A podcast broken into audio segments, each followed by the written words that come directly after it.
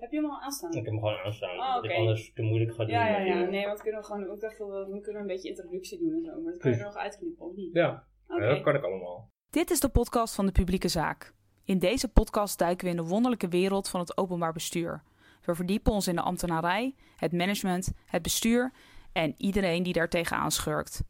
Daarbij hebben we het over macht, effectiviteit, kunde, loopbaankeuzes, leermomenten en nog veel meer. Wij zijn Laura Huygens en Jarno Deen, twee bevlogen ambtenaren die zowaar een podcast zijn begonnen. Hoe maken we het beter en hoe maken we het leuker? Daar draait het om. Veel plezier!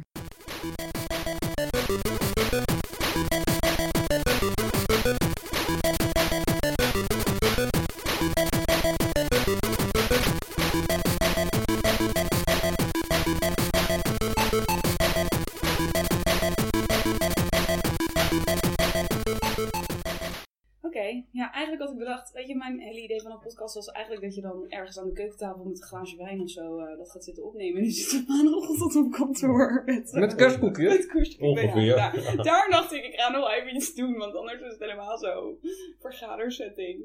Volgens mij is geluidstechnisch wel echt een heel slecht idee om koekjes eh, te doen. Ja. Ja, maar dit, ja, nou, En niet continu aan het knabbelen, toch? nee. Ach, Dus, ehm mm, Dolf, weet je wat een podcast is? Nee, ongeveer. Hmm. Nou, laten we eerst even. Nee, we moeten even, even goed beginnen. Want we- Gek dat jij ze in, we- eh, in, de, in, de, in de trein ook luistert. En zo, ja, toch? Ja. Hmm, ja, jij zit ook in de trein, dus eh, misschien kun je er ook mee Ja. beginnen. Het is heel leuk. Wel veel naar eh, Den Haag tegenwoordig. hè. Nou, het is niet zo lang. Twaalf minuutjes.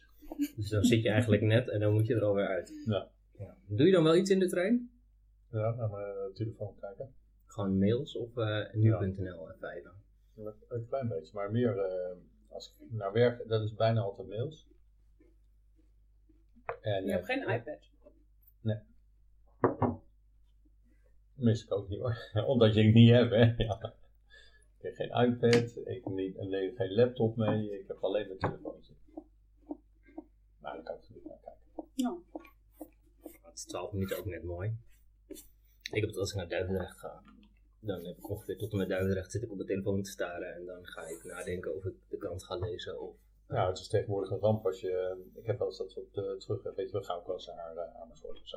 Een batterij op. En dan voel je echt een soort paria binnen, zo'n, eh, binnen de coupé. Hè? Als je niet naar je telefoon kijkt. hè. bijzonder. Dus dan, eh, Ja. dan zoek ik iets en dan heb ik vaak, eh, weet je, dan weet ik het al van tevoren. Dus dan neem ik eh, de krant van gisteren mee of zo. Dan heb ik de NRC nog niet uit of zo. Maar dan ben je echt een soort eh, outcast. Dat je niet eh, met je telefoon bezig bent. Oké. Maar podcast, hè? Podcast, Want, ja. want dat is hem een beetje. Ehm nou ja, want wij luisteren dat allebei. Ja. En dat kan eigenlijk van alles zijn, Dolf. Het kan iemand zijn die iets interessants vertelt over eh, ja, dat waar hij mee bezig is. Het kan een, eh, gewoon een radio-uitzending zijn. Ja.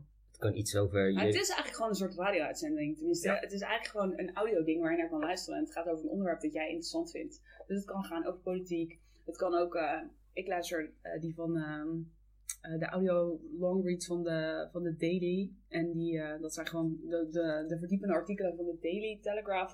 die ze dan voorlezen. Een soort luisterboek. Dus het kan eigenlijk van alles zijn. Je hebt ook een soort onderzoeksjournalistiek en sportfora. Weet je wel. Jij luistert volgens mij altijd die van de NOS, waar ze gewoon een beetje gaan ouwen over de sport van het weekend. Tijdens de Tour de France, die van Land, Ja, die Lens. is ook leuk, ja. Oh ja, die is leuk. Ja, die is echt leuk, ja. Dat is echt heel leuk aan podcast, dat je er slimmer van wordt. Dus, Ja. weet je wel, ik- ja, dat is echt zo. Dat was jouw verkooptrucje. Dat Dat was ja, jouw maar dat was mijn verkooptrucje, maar het is echt zo. Ik denk het echt heel vaak. Omdat ik dan... eh, maar ik, weet, ik lees daardoor minder kranten. Dus dat is wel echt... Ja. eh, Dat is, wel- dat is waar. Maar goed, wij, lees alleen hadden, op de weekend van bijna. wij, wij, wij luisteren daar dus... eh, eh, en dit is volgens mij zo'n lopende intro. Dus dat is ook nog wel Ja. cool. Ja. We beginnen gewoon meteen. Dus ik, ga, welkom bij een podca podcast van de publieke zaak. ja, dankjewel. Ja. De publieke zaak. Ja, de publieke zaak. Ja, nou ja. Want daar Ja, werken we we hebben voor, je niet, Dolf. jou niet voor niks gevraagd. Nee, precies. Oké. Ik ben Jarno Deen. En ik ben Laura Huygens. En we zitten hier tegenover eh, Dolf Kern. Welkom Dolf. Dank je. Eh, eer. ja, nou ja, dank, ja, je bent eh, eh, onze tweede testsubject. eh waarop Onze wij, tweede gast. Ja. Is wel tweede jammer gast. dat ik niet de eerste ben. Ja. Nou, we wilden eerst even oefenen voordat we met jou gingen, omdat je ook zo kritisch kunt zijn. Ja, dat. Nou, ja. Verkeerd beeld over mij. Wie was eerst dan? Fons. Oké, ja, leuk. ontstekkers. Ja. Dus als je daar interesse in hebt, dan moet je die andere maar terugluisteren. Ja, is op onze, op onze, op onze web, website, waarvan ik de URL nu nog niet kan, kan eh, uit mijn hoofd kan kennen. Goed. Ja, het idee is dus eigenlijk dat we een gesprekje gaan voeren. Oh, Ja, oh, misschien moeten we nog even de publieke zaak introduceren, onze podcast. Ja. Ja. Want wij, ehm ehm eh, Jarn en ik luisteren dus alle twee al heel lang podcast. En, ehm, of nou, niet eens al heel lang, een jaartje of zo. En eh, ik dacht echt, dit is echt zo'n cool medium. En ehm, toen dacht ik, oh, ik zou er ook wel eentje willen maken. En omdat wij het er elke keer over hadden, had jij zoiets van, ja, ik zou er ook wel eentje willen maken. Nou, eigenlijk zouden we een podcast moeten gaan maken. En waar zouden we het dan over moeten doen? En ik was eigenlijk aan het zoeken naar een podcast over eh, werken bij de overheid. Over eh, nou, eigenlijk alle dingen, al, al de thema's waar ik mee bezig ben. En die is er niet. Dus toen dacht ik van, eh, nou, weet je, we moeten het daar dan niet over doen. Dus zo hebben we het een beetje zitten brainstormen. Jarno had allemaal goede ideeën. Dus, nou, toen, toen dachten we, nou, laten we het gewoon gaan doen. Ja, en het idee is eigenlijk dat we eh, met interessante mensen gaan praten over hoe het is om te werken eh, voor de overheid Ja. of bij de overheid. Ja. Eh, wat, maakt je, wat maakt het dat je daarvoor bent gaan werken? Hoe kun je daar succesvol in zijn? Ja. Nou, eigenlijk al die dingen. En daarmee hopen we in ieder geval zelf iets te leren over hoe het is om erbij te werken. Want van dat soort gesprekken word je zelf een beetje slimmer. Ja. En wie weet vinden andere Ja, mensen het ook leuk ja. om er naar te luisteren. Dat zou eh, ergens wel fijn Ja, zijn. en dat zou dan, ja, maar dat is eigenlijk bijna, wat dachten we, als we nou gewoon iets gaan maken dat we in ieder geval zelf leuk vinden, dan hebben we er zelf lol van. En dan zien we daarna wel ook of het nog, eh, of het nog voor een breder publiek, eh, Of er nog roem en, eh, en, eh, precies. en eh, advertentieinkomsten krijgen. Ja, precies. Op zich best wel lollig dat dat er niet is. Nee, Dat ik er- had- kon het nog niet vinden. Maar je kunt Nee, niet zo nee, goed vinden in de ik me- Nee, maar dat kan ik me heel maar- goed voorstellen, want het is eigenlijk iets waar mensen helemaal niet zo trots op zijn of zo, terwijl het wel zo essentieel is. Maar Ja. hè, je bent best wel, hè, ik merk ook als je met dat nou, van die grapjes maakt van, eh, nou dat ga ik niet op een eh, verjaardag vertellen dat ik beleidsadviseur ben, want het beeld wat ze dan krijgen, weet je, wel, Ja, zodat je echt voor jezelf wel de indruk hebt dat je iets zinnigs doet. Ja. eh, Wat ook mensen best wel eh, kunnen begrijpen. En dat, dat klopt ook wel als je er echt uh, dieper op ingaat. Maar Een beetje het imago wat. Het wat is niet, heel, het is niet heel positief. Nee, dat is zo, nou ja, die, eh, die ambtenaren die. Nee, eh, klopt, waar overtuigd eh, ambtenaar uit en. eh, Eh, heb je dat als beleidsadviseur nog sterker, denk je? Of dat mensen, omdat beleid een beetje... ja, eh, nou, daar kan niemand zich eh, wat bij voorstellen. En ik kan. Ik weet dat, ze, dat het omturnt op een moment dat ze zien dat ik iets van inhoud weet. Dat is een beetje raar, hè? maar het beleidsadvies op zich, daar, daar- ja, hè, als je dat, eh, weet je wel, ik, eh, ik eh, hockey in zo'n veteranenteam en het merendeel is daar ondernemer. Ik weet niet waarom, maar hè, heeft, en als ja. je dan zegt beleidsadviseur, ja, dan kijk je echt aan van wat is dit? nou? Dit is een soort van paria, weet je wel, zo'n soort status heb je. Maar als ik dan wat over waterbeheer, dan vinden ze het wel zinnig interessant. En dan gaan ze allemaal, eh, ja, dan kan je ook wel vragen en zo. Dus die, dat, dat we met zinnige dingen bezig zijn, dat is helemaal niet zo moeilijk om, om uit te leggen. Maar dat, dat, dat hele imago wat eraan eh, kleeft. Maar dat geldt toch ook voor eh, bestuurders. Dat, Ja. je, dat je ook moet rechtvaardigen in, in, Nederland, dat je, eh, in, in Nederland dat je bestuurder bent. Dat is wel heel erg raar. is zo Ja, terwijl het ook wel... cruciaal is in on- hoe onze maatschappij eh, werkt. Nou, het is inderdaad een soort, een soort vrijwilligerswerk wat je doet. Of in ieder geval eh, tot op zekere hoogte een baan waar niemand op zit te wachten dat, dat, dat je het doet. Dus kijk je er scheef op aan. Maar het is eigenlijk het is hartstikke leuk. Het is heel belangrijk. Ja. Maar op een of andere manier doe je het nooit goed. Dat is misschien... Nee, en is het ook volledig eh, geaccepteerd dat het wordt eh, geridiculiseerd. Ja. Hè? En dat geldt zowel voor eh, bestuurders als voor, als voor ambtenaren. Hè? Dat, je, dat het is geen enkel probleem als, eh, nou, pak een beetje eh, de Wilders of zoiets roept van, eh, nou ja, eh, die ambtenaren die, die voeren, voeren geen fluit uit. Of, eh, ja, ik was laatst in zo'n eh, bijeenkomst in, in, in, eh, de kerk in Gouda waar het watergilde dan heel makkelijk mag roepen van, nou het ligt al twee jaar bij die ambtenaren en eh, die doen er helemaal niks mee. En weet je wel, dat is Ja, Dan is zo'n het imago niet is dat er hè? Dat een iedereen een, soort zo... eh, rilling door die zaal heen gaat. Wat zegt hij nou weer? Nee, dat is gewoon bevestigen van het beeld wat we hebben. Van, nou, die is bijna een soort stereotypje Ja. wat mensen Ja, gewoon aanhalen. Ja. En, en het- ik kan daar ook best wel wat bij voorstellen hoor, maar het is wel de realiteit. Ja, erg daadkrachtig kunnen we soms niet altijd zijn. Dat is wel, dat dat is wel de andere kant voor, voor de buitenwereld, zeker voor ondernemers. Van ja, ja, maar regel dat nou gewoon. Ja, zo werkt het dus ook niet helemaal. Want als je, En er zitten volgens mij ook wel mensen bij overheden, omdat, weet je wel, die, waar, waar, je, waar, waar de vraag bij is of ze in het bedrijfsleven er nog steeds zouden zitten, of niet op een of andere manier al. Ja. Ja, dat voel je ook dat wel. voel je is- ook wel, Ja, dus dat dat voel je met name wel. als je... Ik kwam hier ook vanuit een ingenieursbureau en dan... eh, ik was hartstikke blij dat ik de eerste weken geen eh, uren meer hoefde te schrijven. Of zoals wij uren schrijven, is geen echt uren schrijven natuurlijk. Je wordt niet Ja. echt eh, afgerekend of eh, wat dan ook. Of zelfs in beeld gebracht. En hoeveel tijd heb je nou aan een bepaald onderwerp besteed en hoeveel rendement. En eerst vond ik dat een bevrijding. En later had ik ook zoiets, ja, nou misschien had het toch wel... Ja, het heeft ook wel Iets meer moeten doen, het want ja. management of zo. Is dat volgens mij ook wel het hoger management. eh, als je bij een adviesbureau zit, dan moet je ook wel, heb je een flinke acquisitieverantwoordelijkheid. En dus ook eh, dat, je, dat je flink productief bent en daarmee ook relevant blijft. Terwijl ik ook wel eens het idee heb dat je dat bij overheden ook wel eens het hoger management ook gewoon kan arriveren. En dan zijn ze er, weet je wel. Klaar. Ja. ja En ik, ik heb dat ook zelf ervaren bij mijn eerste eh, beoordelingsgesprekken hier. Hè, dat als je uit die eh, commerciële wereld komt en als je op een gegeven moment handig bent, dan heb je gewoon opdrachtgevers die graag met jou werken. Ja. En dan word je ook een soort onkwetsbaar. Hè? Ja. Je verdient jezelf terug. Ja, ja, ja. En daarmee... Geen ja. discussie. Ja, dan kunnen ze wel zeggen van, eh, potverdomme dolf, ik weet niet wat je uitvreet. Maar, hé, hey, de opdrachtgevers vinden jou tof. Dus eh, Ja. ja, Ja. Je doet het goed. Nou, kom ik hier. En dan vind je dat je hartstikke goede dingen doet. Maar ja, de, ja, de, de, de leidinggevenden kunnen daar volledig eh, subjectief zeggen van... eh, ja, je zichtbaarheid joh, is niet goed. Of zo, weet je, dat soort termen. En eh, wat, wat, wat het ook weer vervelender maakt. Hè? Dat je niet die objectivering Ja, hebt van... ja, hé ja. hey, joh, ik verdien mijn geld op je. Ja, dus Ja. waar Dat is, het, ja, dat is een ander, eh, ik moet zeggen dat spel. toen ik hier kwam werken, ik heb, hier, ik heb mijn eerste baan was bij de universiteit, waar ik een beetje ben blijven hangen, heb ik wat onderzoekswerk gedaan.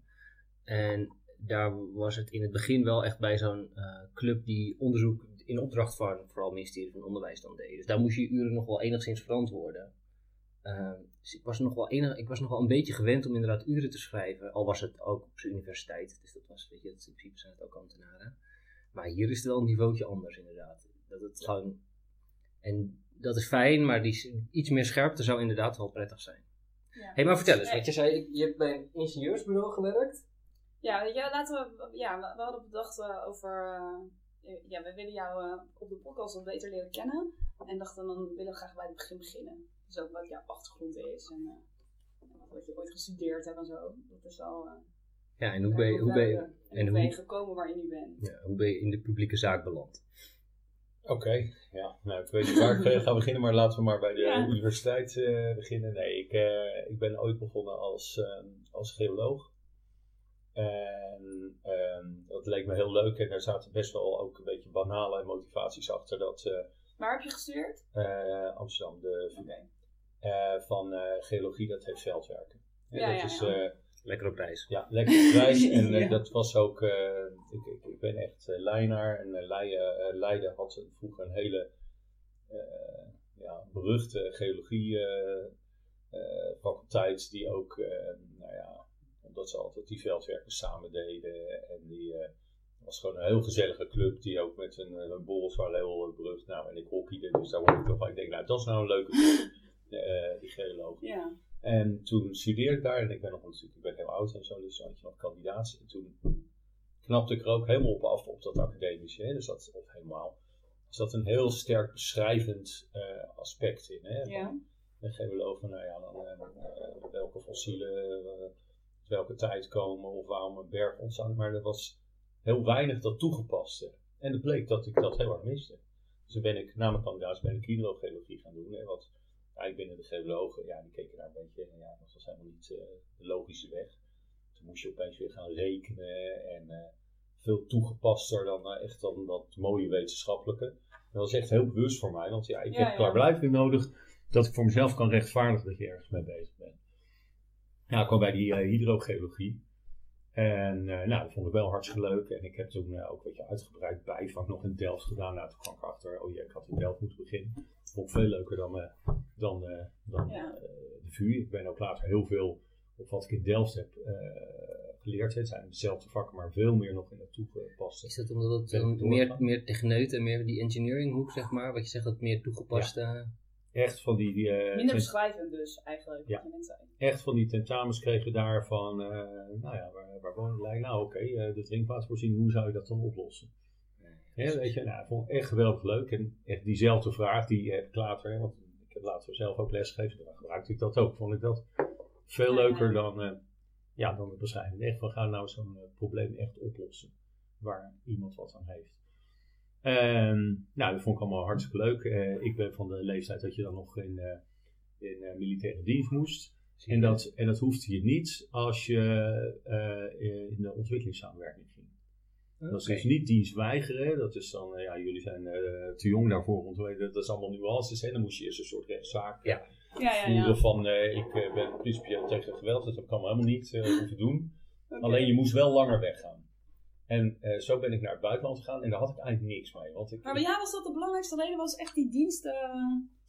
Of, Dat of- was een hele belangrijke motivatie. En dan ging ik ook eh, werken in mijn vak. Ja. Ik ging ook vijf keer zoveel eh, verdienen. hè. En, eh, maar eh, Maar ik kan me ook voorstellen, weet je, dat het avontuur en ergens anders en... eh, nee, had ik dus helemaal niet. Nee, nee. Is dat En ook niet- vooral ook omdat ik zo'n beeld had van eh, dat ontwikkelingssamenwerking, van dat eh, caritatieve en zo. En daar had ik helemaal niks mee. En ik vond eigenlijk, eh, nou, ik dacht dat dat niks voor mij zou zijn. Oké, Dus niet En- het ideële... helemaal niet eigenlijk. Nee, omdat ik dacht dat je daar, eh, ja, ik zo'n beeld van dat soort dat paternalisme. Ja. Het was, Oké. nou, toen kwam ik daar, het was totaal niet zo, ik had onwijs lol in, ontzettend. Waar zat je? Ik zat in Mozambique. En eh, nou, daar ben ik ook weer heen gegaan. Dat, is ook, dat geeft wel een beetje aan met wat voor motivatie ik zat. In die tijd was het nog zo dat je eh, dat ze moeilijk mensen konden vinden die naar het buitenland gingen. En nu betalen mensen om eh, betalen zelf hun reis om eh beesten te gaan tellen. En Nou, in, in die tijd was het echt zo. Ik was door de procedure van buitenlandse zaken gekomen en kon ik tussen drie landen eh, kiezen. En eh, nou, was dan. eh, En waarom heb je gekozen voor Mozambique? Wat waren andere opties? De andere was eh Cabo Verde en Mali of zo. Maar die waren van de UN en dan moest je langer wachten op toestemming.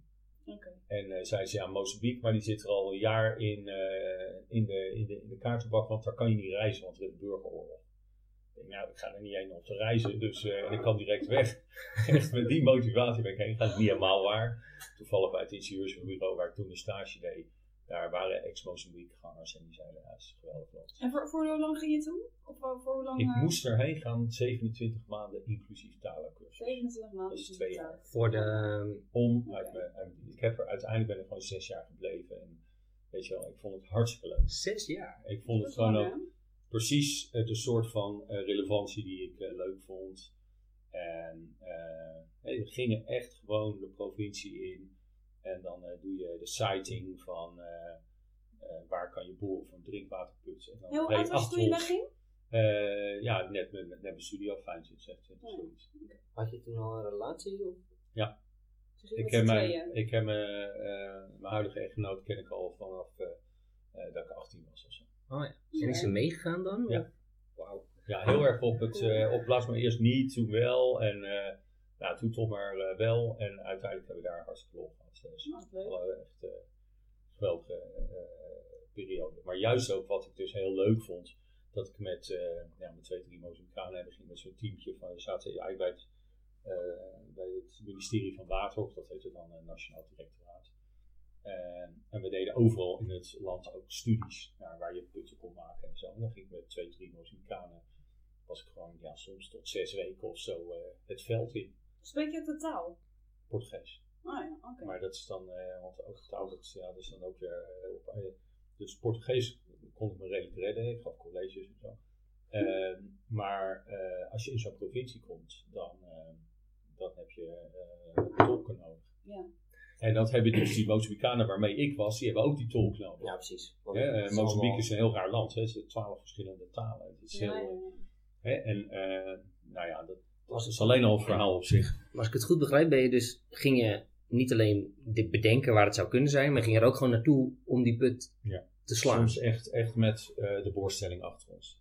Cool. Dus dan had Ja, je ja. echt dorpen waar eh, mensen kilometers moesten lopen naar een riviertje en dan maakte je een put. Het Dus dat, ge- dat gaf eh, Ja, maar het ging, eh, het ging ook mis. Hè. Het was, voldoening, of niet? ja, to- toch weer wel een beetje, Ja. maar omdat je zo eh, op eh, gelijke voet heel erg met die eh Mozambicanen, hè, met, het, met het team, ja, wij, eh, waren ook leeftijdsgenoten. maar Mozambique is best wel een heel bijzonder land. Hè, dat bij, de, bij de onafhankelijkheid, eh, eh, Portugal is een heel aparte koloniale staat.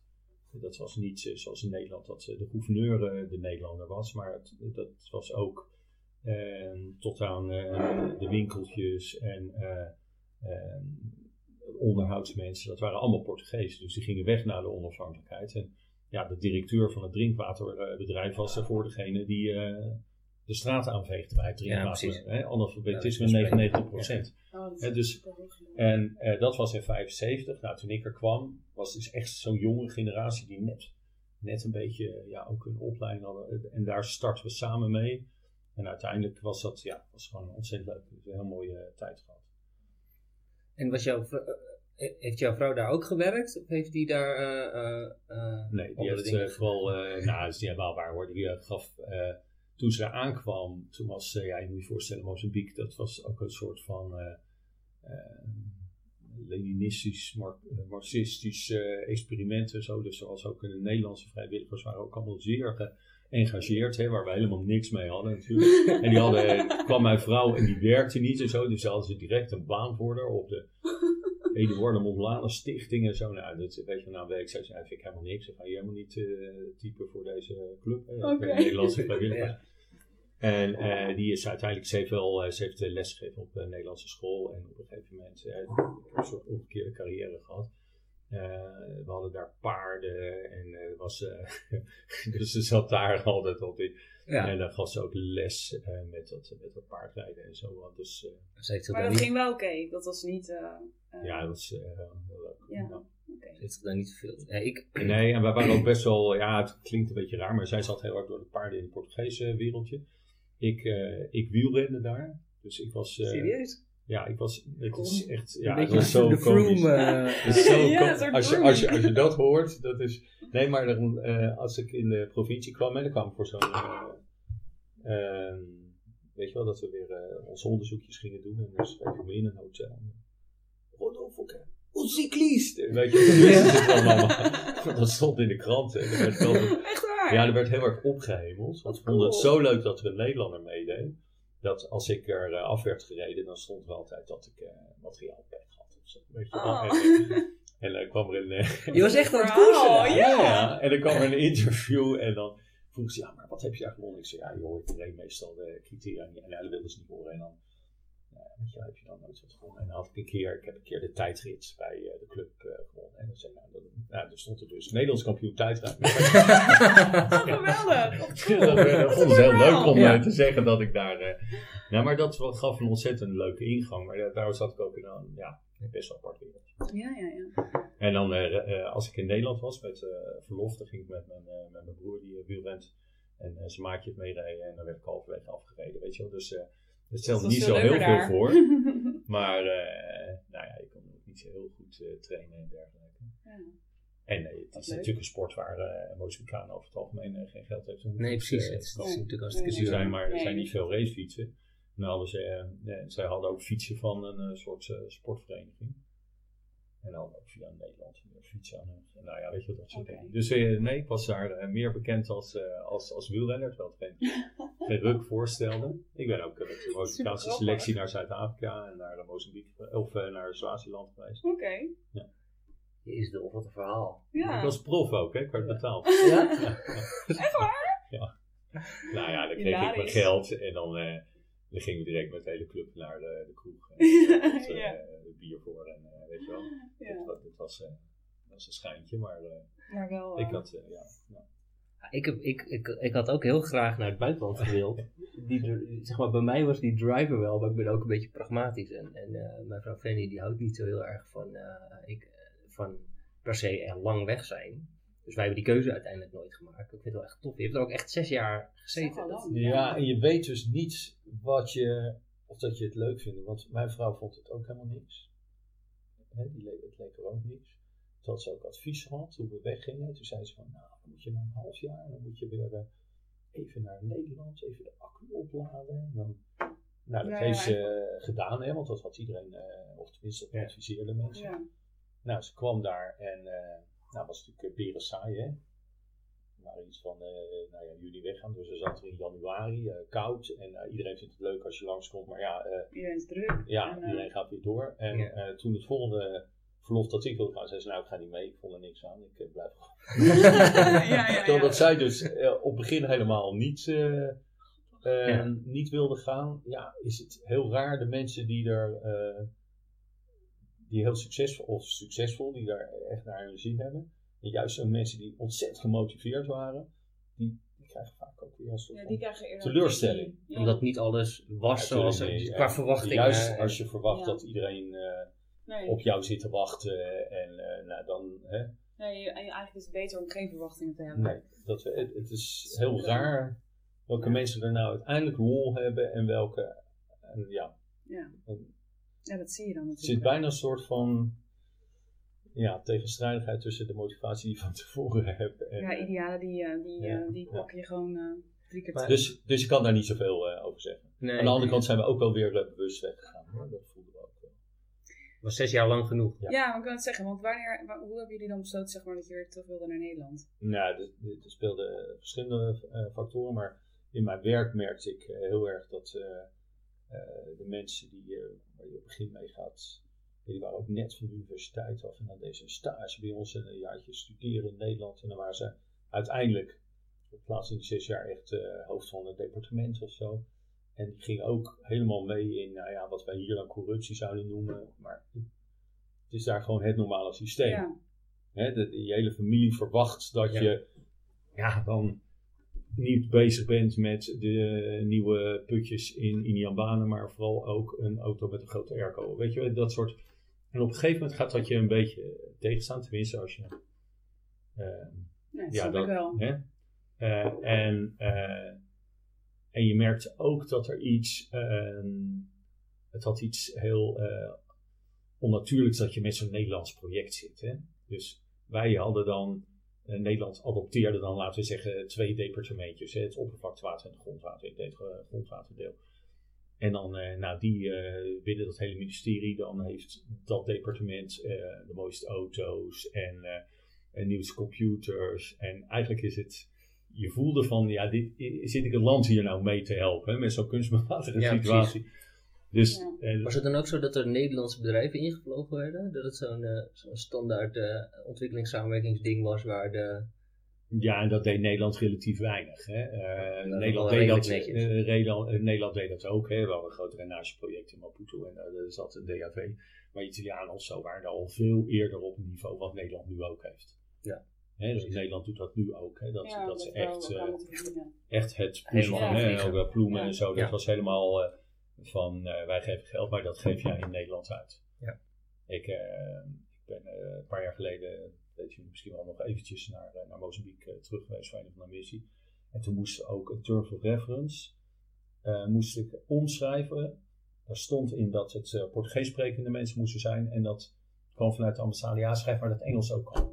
Weet je, want alle Nederlandse bedrijven eh, meer kansen. En dan denk je, ja, hallo, dat, dat Ja. werkt hier helemaal niet. Dat, eh, dus dan moest je eigenlijk tegen je eigen Ja, integriteit Oh ja, ingaan om de Nederlandse tegen, ja. eh, consultants eh bevorderen. Mm. maar ja, oké, zo werkt het. Heb je toen nog Ja. bekenden gezien toen je weer terug was? Of werkte ja, ja, ik was helemaal vanuit, eh, eh, ik was van, vanuit een soort old boys netwerk was ik eh, gevraagd. En ik kwam ook, ehm, ja, ik kwam weer op het eh, ministerie. Het was al een onwijs omslag. Hè. Dus vroeger was Nederland de, gewoon een, een grote donor. En nu was je gewoon een van de vele. En waar ze veel meer met Chinezen en weet ik het wat. Precies. Dus de eerste dag heb ik gewoon, eh, weet je, een hele middag moeten wachten totdat ik de directeur kon zien en zo. Ja, ja. Op zich veel gezondere situatie, maar wel een overgang. Maar ik kwam wel een paar van de, van de oude mensen weer eh, tegen, wat ontzettend leuk was. Ja. En sommigen waar het ook helemaal mis mee was gegaan. Ja, dat is, Ja. Dus het was wel heel, eh, Interessant. En toen kwam je terug in Nederland. En, ehm, maar wat was dat? Want je was een beetje klaar eigenlijk ook wel. Dus er zijn eigenlijk wel. Maar en wa- waren er nog andere, andere redenen waarom jullie terug wilden? nou, Mist hadden- je Nederland? Ehm, nee, ik ben echt teruggekomen met, eh, wel met het idee, ik ga nou een stukje Nederlands cv opbouwen. Want Ja, ja, als je ja. daar, als je, eh, dus Als je langer, te lang, dan, ja, als je eh, langer in het buitenland, dan zie je een heleboel van die mensen, die zijn de grote projectleider in het buitenland. Hè, de miljoenen projecten. En die hebben dan eh, tussendoor hebben ze in Nederland twee jaar lang, eh, nou, dan komen ze helemaal niet eh, aan de bak. Nee, hè. Nou, dus dat was een soort angstbeeld. Ik werkte heel veel samen met eh, iemand die later sectorspecialist op de ambassade was. En die had ook in zo'n tussenperiode was hij op een gegeven moment eh, bedrijfsleider bij Albert Heijn geworden of zo. Ik denk, nou ja, dat gaat mij niet gebeuren. Ik wil ook gewoon mijn Nederlandse cv een beetje op orde eh, hebben. En ben je toen vanuit daar al gaan solliciteren of ben je, ben je Nee, gewoon... het is wel een, eh, eh, het is hier? een pijnlijk onderwerp. Ik, ik dacht dat ik... in Mozambique was ik... eh, ja, vonden ze allemaal hartstikke leuk wat ik deed. Toen ik ook wegging bij het Nederlands project... ben ik bij, bij de VN gevraagd... voor een andere vredesoperatie. En zei, ja, maar ja, ik zit nog in Nederland. Hebben ze aan het Nederlandse ministerie betaald voor me en zo. Dus ik dacht, nou, iedereen... Iedereen wil Zit op mij. te wachten. Ja, ik, ja, ben, ja. ik ben top. Ik, Ja. eh, ja. geen probleem. En dan kwam ik in Nederland, was het dus totaal niet zo. Waar ik, al, eh, toen was, ik kwam in 94 terug, toen was er net, eh, had eh, de minister Prok had ruzie gemaakt met eh, Indonesië. Dus al die mensen waren opeens, eh, kwamen, kwamen op de markt. En ik werd helemaal geplaatst in een buitenlandhokje. ja, ja, ja. Van, eh, dus ik kwam wel bij een ingenieursbureau en zei, oh hartstikke leuk, project in India. Ik zei, ja nee, ik wil wat Nederlands. Oh, we gaan eens kijken. Ja, uiteindelijk kwam ik wel eh, bij een drinkwaterbedrijf Oké. via eh, een ingenieursbureau. En, eh, maar ik vond dus geen Nederlandse baan. En ik was eigenlijk, want dat is dan ook weer zo raar, hè, want het was ongeveer een jaar was ik al terug. En eh, toen dacht ik, nou ja, dan ga ik maar weer naar het buitenland kijken. Ja, precies. En toen had ik opeens in één maand, kon ik eh, en naar Oeganda en naar Somalië. Ja. dus, en toen kwam opeens een Nederlandse. Kwam ik alsnog bij een ingenieursbureau. En ja, dus eigenlijk had ik die stap al gemaakt. En toch gekozen voor het Nederlands. eh, ook omdat eh, eh, mijn vrouw kwam terug en het was ze zwanger. Hè, dus we hadden een kind zo. Dus het was toch wel een beetje een en De ander. eerste. En, Ja. Was zeg maar kinderen ook nog een reden om weer terug te gaan dat je dat wil laten opgroeien? Nou, we eigenlijk hadden we een beetje bedacht dat we teruggingen. En, eh, Moet allemaal maar lukken ja, en zo. En toen eh, dachten we, want we, oh ja, we hadden zo leuk, we hadden helemaal geen tijd voor. eh, Ja, precies. Ja. ik vind het wel een heleboel van mijn collega's dat anders deden. En dat had ook wel leuk geweest. En die kinderen hadden natuurlijk ook. eh, Ja. En dan had je personeel en zo. ja, dat ook, wel- had ook voordelen. Maar wij, grappig, maar wij ja. hebben nu op onze eigen Nee, heb reizen. allerlei toeslagen natuurlijk en zo. Ja, het was- Ik heb, eh, ik heb gestage gelopen bij Buitenlandse Zaken. En ehm, dus ehm, eh, ja, ook wel bij echt wel zo'n ontwikkelings, ehm, ontwikkelingssamenwerking afdeling, zeg maar. Dus daar zaten allemaal mensen die echt, weet ik hoe lang allemaal in het buitenland hadden Ja. gewerkt. En ook allemaal niet via de geëikte procedures allemaal bij Buitenlandse Zaken terecht waren gekomen. Want, weet je al, eh, ja, weet je wel, ze moesten dan een specialist eh, van een of ander land hebben. En Ja. dan eh, zoeken ze iemand op, zeg maar.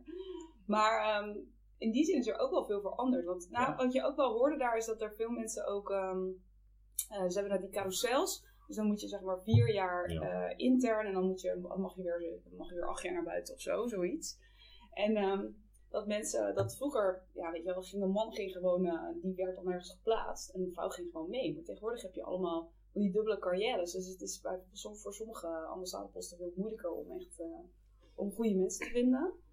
En daarnaast ook ehm, dat het voor mensen ook echt een ding is als ze kinderen hebben, dat ze dan terugkomen uit het buitenland en weer in Nederland, dat je dan al die toeslagen kwijtraakt.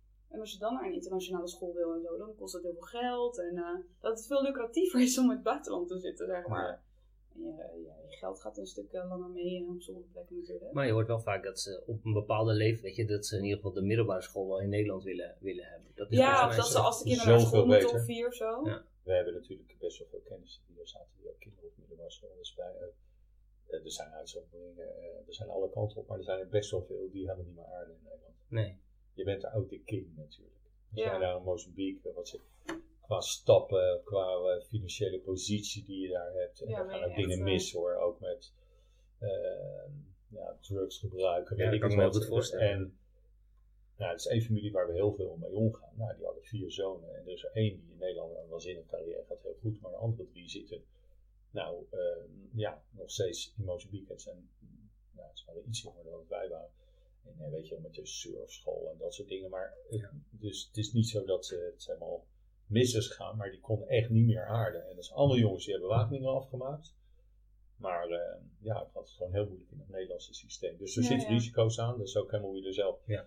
eh, mee omgaat. Maar ja, dat- oké, dat is, was voor ons verder. eh. Wat is niet zo'n issue? Nou nee, want ja, eh, ik, gewoon, eh, ik, ik, ik denk, ja, nu ben ik er ook helemaal niet meer mee bezig met eh, naar het buitenland gaan. Maar toen ik terugkwam uit Mozambique was dus echt van twee jaar Nederlands cv. En dan ga ik weer. Ja. Ja, ja. Ik ben toen ook, ik weet wel, ik ben eh, cursus Frans gaan doen. Hè, van, als je Oh, zes, ja, dat is zes jaar weg bent. Ja. En ja, Portugees, ja, zoveel landen zijn er ook niet. Nee, hè. Eh, Nee, Frans is de handigste. ja, dat je, eh, Ja. je moet meerdere talen hebben om met die ervaring Ja. ook eh, overal te... Dat je echt helemaal met het idee ik ga door. En op een gegeven moment als je bezig bent in Nederland, dan, ja, hebt dat weg. Maar je ja, kwam dus bij... ja, want het appte echt weg. Ja. En nu ik er even met jullie over praat, ben ik er weer mee bezig. En normaal ben ik er helemaal niet mee bezig. Nee. En eh, nou, dat heb ik ook soms over eh, verhalen of zo. Dan, als, je, als ik weer wat ex-Mozambique mensen tegenkom. Ik had het een keertje met mijn dochter erbij. En dan zit ze echt met mijn mond open en zo. Huh, wat, heb je dat allemaal meegemaakt? En dat, ja, daar, ja, daar heb je daar niet zo.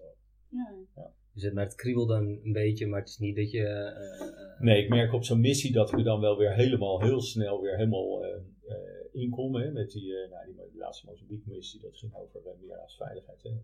Dat, noemen we in het buitenland de Dutch Delta Approach. Nou, nou, heel goed. heel grof, hè, terwijl we in Nederland helemaal niet doen. Hè. Nee. Dat we alleen de preventie laten doen. Maar Ja. wel ontzettend, ontzettend inspirerend onderwerp om daarover eh in, Ja, dat is wel eh, echt in. eh, eh, discussie te gaan. Dus ik vond dat, toen- eh, als, ik, als ik zoiets doe, dan word ik altijd eh, enthousiast over. Hey, maar je, je kwam dus terug en de markt was eigenlijk niet zoals je gehoopt had. In de zin van, ze zaten niet op, op jou te wachten. Nee.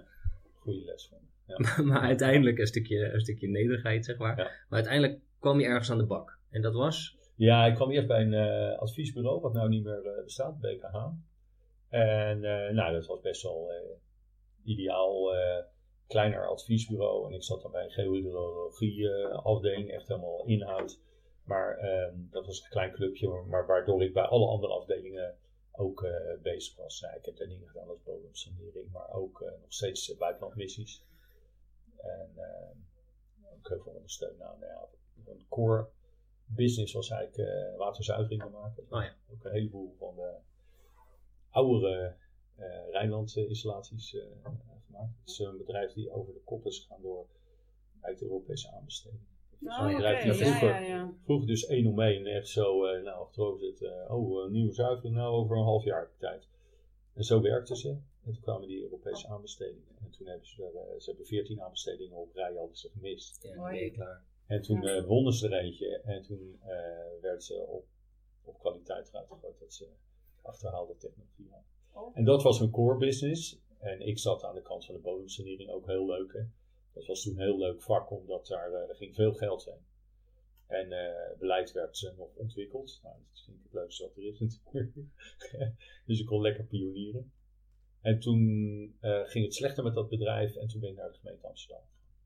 En uh, toen heb je natuurlijk gesolliciteerd en dan ze, oké, waar zie je jezelf over tien jaar? Had je toen al een plan? Had je al had je zo'n Nee, ambities? Oh, ik wil daar uitkomen of ik wil dat worden? Of, uh, zo, dat is dan een moeilijke vraag, zeg maar. Waar je ja. jezelf over tien jaar? Maar Een keer gehad dat zo'n personeelsmedewerker zei van, nou meneer, u overkomt alles maar. Hè? ja, daar, ben, daar ben ik dus niet mee bezig. En uiteindelijk Nee, toch weer wel. oké. Weet je, onbewust. Ik, ik, ik ben dus na uh, dat BKH ben ik bij de gemeente Amsterdam gaan werken. Er waren een aantal BKH'ers die waren al eerder bij Amsterdam gaan werken. En, uh, nou, ik, ik Dus je had daar contacten? Die hadden me echt, echt, echt gevraagd. Hè, Ja, van, ja. eh, kom nou bij ons werken. En dat was wel grappig. Het was het ingenieursbureau van de gemeente Amsterdam. Die zou toen gaan privatiseren. Hè. Dat was die tijd, hè, 2001. Alles zou geprivatiseerd worden. En eh het ingenieursbureau was gewoon 200 mannen. en die hadden geen water. Dus die zeiden van, we willen water opzetten. En toen werd ik aangenomen. En dan ook met een junior erbij die sommetjes zou gaan maken. En dan heel snel werd het een groter clubje. En, eh, maar eigenlijk toen ik er aangenomen werd, ik weet nog, dat was allemaal van, ja, heb je een leaseauto en zo, weet je wat ze wilden, helemaal commercieel van doen. Ja. En, en Had je lief Toen- uit het hof? nee, zei ik, nou, dat heb ik niet nodig, maar eh, weet je, dat had ik daarvoor ook al niet, dus eh, ja. Eh, en eh, ik zit, eh, toen ik een paar maanden zat, toen eh, heeft er een wethouder ingegeven. En die zei van, ja, maar dit ga ik niet doen. Ik ga dat helemaal niet buiten de deur zetten. Ik geef uh, jaarlijks honderden miljoenen uit aan, eh, ja, publieke voorzieningen. Ik wil een, eh, ik wil een expertisepool houden. Dus toen ging die privatisering ging niet door. Terwijl ze dus allemaal mensen uit de, eh, uit de priva- eh, private Ja, sector ja, ja. hadden. Met dat voor En eh, nou ja, dat kwam voor mij ook wel prima uit. Hè, want ik zo'n gemeentelijk vond ik eigenlijk best wel... Het past ja, wel want, goed. want eigenlijk zou het, zou het privaat worden, zeg maar. Ja. Dus, eh, en jij zat daarvoor al bij een adviesbureau, dus je zat ook wel een beetje niet in de... Je zat helemaal niet in de publieke Nee, zaak. maar Nee. ik, ik bijna altijd, eh, of merendeel van de opdrachtgevers waren, Ja, dat wel waren, natuurlijk, waren overheden. Ja. Ik heb daar, dus ik zat wel, ik, ik denk dat als jij medewerker bent van een adviesbureau, ja, dan, eh, dan ben je gewoon ook in loondienst. weet je wel. Nee, Ja. dat is ook zo. Ja, Maar dan moet uiteindelijk de schoorsteen wel roken. Tenminste, Ja. ik heb ook voor een adviesbureau gewerkt. En dat vond ik toch wel echt een groot verschil. Zeg maar, weet je, dat het, wat jij ook zei, van ik werd op, aan- in die end of the day word je afgerekend op, weet je, Ja. of jij nou de juiste dingen doet. Ja, als je ik- geld ik- verdient, ik- dan ik is het prima, weet je wel. Dat ik een deel daarvan dus ook hartstikke leuk vond. Bijvoorbeeld met die bodemsaneringen. Daar was het dus ook, eh, ja, moest je heel vaak een concurrentie binnenhalen. Nou, vond ik echt het leukste wat er was, dat je, dan kreeg je zo'n, eh, hè, die eh, opdrachtgevers, meestal provincies en zo, die hadden dan eh, soms een klus die een beetje vastliepen en die gooiden ze dan op de markt. Hè, dus ze een bepaald eh, bureau, had allemaal NABO-onderzoek en eh, saneringsonderzoek. Nou, en dan, eh, nou, dan waren er drie, vier bureaus en die konden dan, en ik kreeg zo'n berg rapporten en dan iets, iets slims bedenken. Van, ik ga het helemaal anders doen. Ik ga het biologisch aanpakken of met lucht erin. En dan zo'n offerte binnenhalen. Vond ik geweldig gaaf. Maar Waarom je vond je wel, dat dan zo leuk? Competitie, ja, ja toch wel. Ja. Ja. Toch ook wel heel erg leuk. Ja. En dan was het zelfs zo, dan hadden we binnen en dan vond ik het eigenlijk niet meer leuk. Weet je wel? Dan had je het al bedacht in die offerte. Maar dan is het een soort spelletje. Ja, je bent-. Ja, dan werd het echt, dus, dus dat deel vond ik hartstikke leuk. Maar dat vind ik hier ook leuk. Ja, ja. Ik vind het geweldig gaaf als we geld van de KWA binnenhalen of zo, weet je wel. Dat soort competitiedingen vind ik nog steeds eh, leuk. Even voor de luisteraar, de KWA is de klein waterafvoer. Dat is iets Nee, we hebben hem Je omgekookt. kunt, het Hij eigenlijk nou- helemaal, je kunt het eigenlijk niet uitleggen. Volgens mij je Klimaatbestendige zitten. wateraanvoer. Nee, maar dat je geld bij Ja. wijk haalt. Ja, Dus ja, vanuit, ergens- vanuit dat programma Zoete Water. Ja, waar dat wij speelt. een Eigenlijk. grote zak geld voor een belangrijke opgave hebben binnengehaald. Ja, dat, dat soort dingetjes, dat, dat vind ik ook altijd nog wel eh, leuk. Maar ja, dat, eh, ja, dat herken je ook wel bij andere. Maar, en, en je, bij, hoe lang heb je in de gemeente gewerkt? Elk vijf jaar. Ik, ik heb dus een vijf jaar itch uh, klaarblijkelijk. En, nou, en dat was ook, want bij die gemeente, wat ik zei, eh, het ingenieursbureau had geen water. En toen gingen we water opbouwen. En toen heb ik het op het begin heel zwaar gehad. Want ja, je komt in Amsterdam. En daar had je dus, het heette toen DWR, maar laten we zeggen waternet. En die vonden dat helemaal niks. Want die deden water. Ja. Dus ik heb daar mensen waar ik later mee samenwerkte, Jan en zo, nou, jullie kennen eh, waarschijnlijk niet. Daar kwam ik tegenover. En die wilde, die vond mij volledig overbodig. En die heeft mij ook echt tegen eh, gewerkt. Wat heb je toen gedaan? Of wat je daar, weet je wel, Ehm, ga je mee om? dat, ehm, ja, ik ben er, eh, ik heb bijvoorbeeld, eh, dan deden wij MER voor eh Vernieuwend Bijlmer. En dan zei ik, nou, dat kan hierbij nog niet. En nou, dan haalde ik een deskundige pool bij en zo. Nou, natuurlijk allemaal oude vriendjes. En dan, ehm, ja, die bevestigde dat we wel goed bezig waren. Ik heb daar via allerlei strategieën, Ehm, met coalitietjes vormen, met eh, dan, dan maar exter- externe des, eh, deskundigen bijhalen. Ehm, Maar en uiteindelijk... je eigen positie, of tenminste de positie van dat ding een beetje veilig te stellen. ja, en maar ik denk ook uiteindelijk dat we hebben aangetoond dat het eh, beter was. Dat het gewoon, dat je een beter product krijgt als je een beetje wrijving hebt tussen. ik zat meestal als adviseur van het ontwikkelingsbedrijf, die eigenlijk zo goedkoop mogelijk wil bouwen. En je hebt Waternet die eh, voor eh, topkwaliteit wil gaan. En die hadden bijvoorbeeld op Eiburg van zo moet riool, het kan geen millimeter anders. En dat hielp gewoon dat ik daar tegenover kwam. Ja, maar als we nou dit doen. En uiteindelijk hebben we bijvoorbeeld met name het Zuidas, dat was een heel mooi voorbeeld. Hè. Toen top 10 Europa eh, grondprijzen, druk op de ruimte, eh, ongelooflijk. En dan kwamen zij met hun dempingsregels. Nou, en dan elders compenseren of alternatieve waterberging. En uiteindelijk, want ik, ik weet nog het afscheid wat ik had bij, eh, bij, eh, eh, bij IBA toen ik naar eh, Rijnland ging. Er waren echt eh, ja, tien man van Waternet en die hadden allemaal cadeautjes en zo. Weet je wel, een geweldige, Ja, goed, geweldige band opgebouwd. Nou, die Maarten die het eh, interview afnam bij de Triennale. Nou, daar heb ik heel veel mee samen. En hij merkte wel, hè, daar, Ja. we hebben dus, dus ik heb me daar echt helemaal moeten invechten. En uiteindelijk denk ik dat we allebei wel merkten van ja, maar dit, dit werkt beter. Ja, En is dat dan omdat je, omdat, omdat het ook binnen de overheid dan toch goed is om die, die scherpte op de regels, van zo zou het moeten. En het moet ook toepasbaar kunnen Ja. zijn. Dat je dat Ja. gesprek op het juiste niveau beide kunt voeren in dezelfde organisatie. geloof ik dus heel. Nou ja, eh, eigenlijk we, we waren niet dezelfde organisatie. We waren allemaal heen ergens gemeente. Ja, precies. Gemeente Amsterdam, maar we waren eigenlijk natuurlijk. tegenover elkaar. Kijk, Ja. het was zo dat het ontwikkelingsbedrijf had zoiets van: ik mag overal over discussiëren, hè, over de soort tegeltjes, over al. En behalve het water. Want dan zegt waternet en zo zal het zijn. precies. En dat zat ze niet fijn. Nee. En daarom haalden ze mij erbij. En, eh, nou, en uiteindelijk kwamen er ook wel eh, werkbare oplossingen.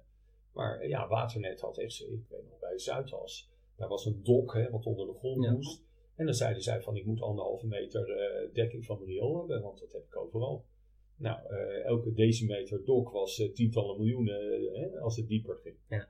Nou, Die- en dan Ja. ja. zeiden wij, ja, maar dat moet anders kunnen. En als ze het zus doen. En, ja, maar dit, eh, weet je wel, die discussies, die scherpte. Ja. Maar die discussie, toen ik hier net kwam werken, toen had ik, ik heb toen ook niet echt een, een, een inhoudelijke achtergrond, maar dan ging ik samen met een vergunningverlener op pad in de Haarlemmermeer. En dan gingen we eh, discussies voeren met Rijkswaterstaat over de doorvoerhoogte onder, onder bruggen of onder duikers, zeg maar.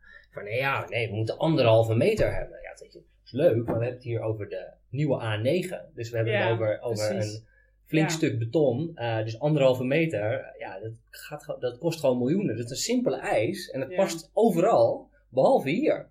Maar dat is natuurlijk ook wat, wat er nu speelt met die woningbouwopgave in Precies. de Randstad. Weet je, ja, weet je, we kunnen wel zeggen, je mag die polders niet volbouwen. Maar als dat er de plekken zijn waar de grondposities zijn, dan, dan, gaat het, dan ga je er niet mee komen om te zeggen, nee, dat willen wij niet. Weet je Nou, dat, dat- zo, dat- dat, dat dat is- is het niet. Zeg Maar dat is een heel ingewikkeld. Dat- Ik geloof Ja. dus inderdaad in die, eh, hè, dat daar Ja. onder de wrijving echt eh, de mooiste dingen komen. Maar ehm, waar, waar ik best wel eh, fricties hier eh, binnen Rijnland mee eh, Ja.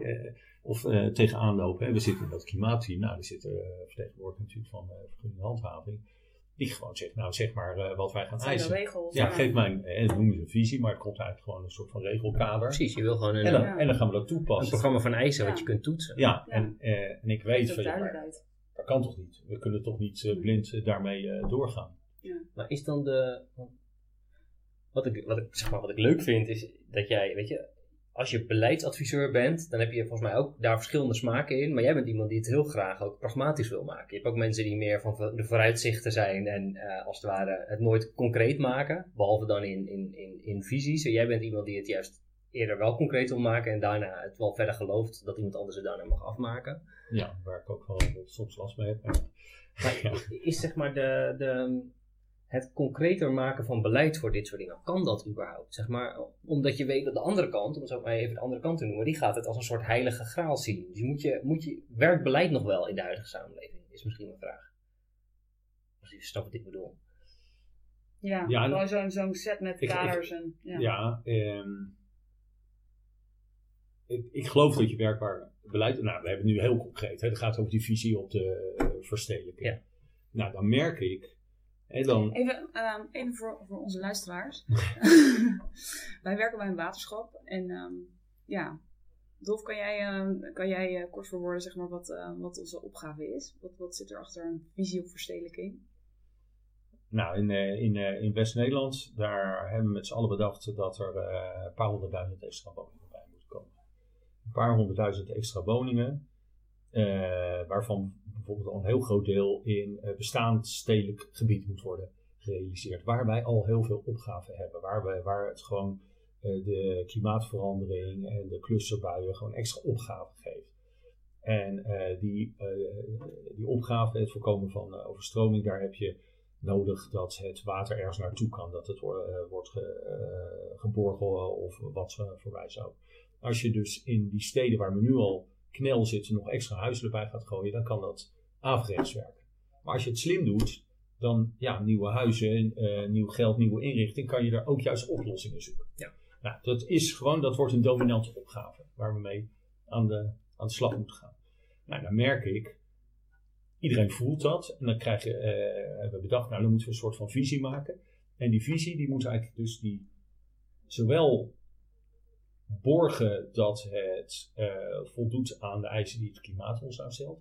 Maar die moeten ook wel rekening houden van die, die, die woningen moeten er wel gewoon Die komen. moet er wel gewoon komen, ja. En Nou, ik heb dus eh, vorige week met eh portefeuillehouder ook over een voorstel zitten praten.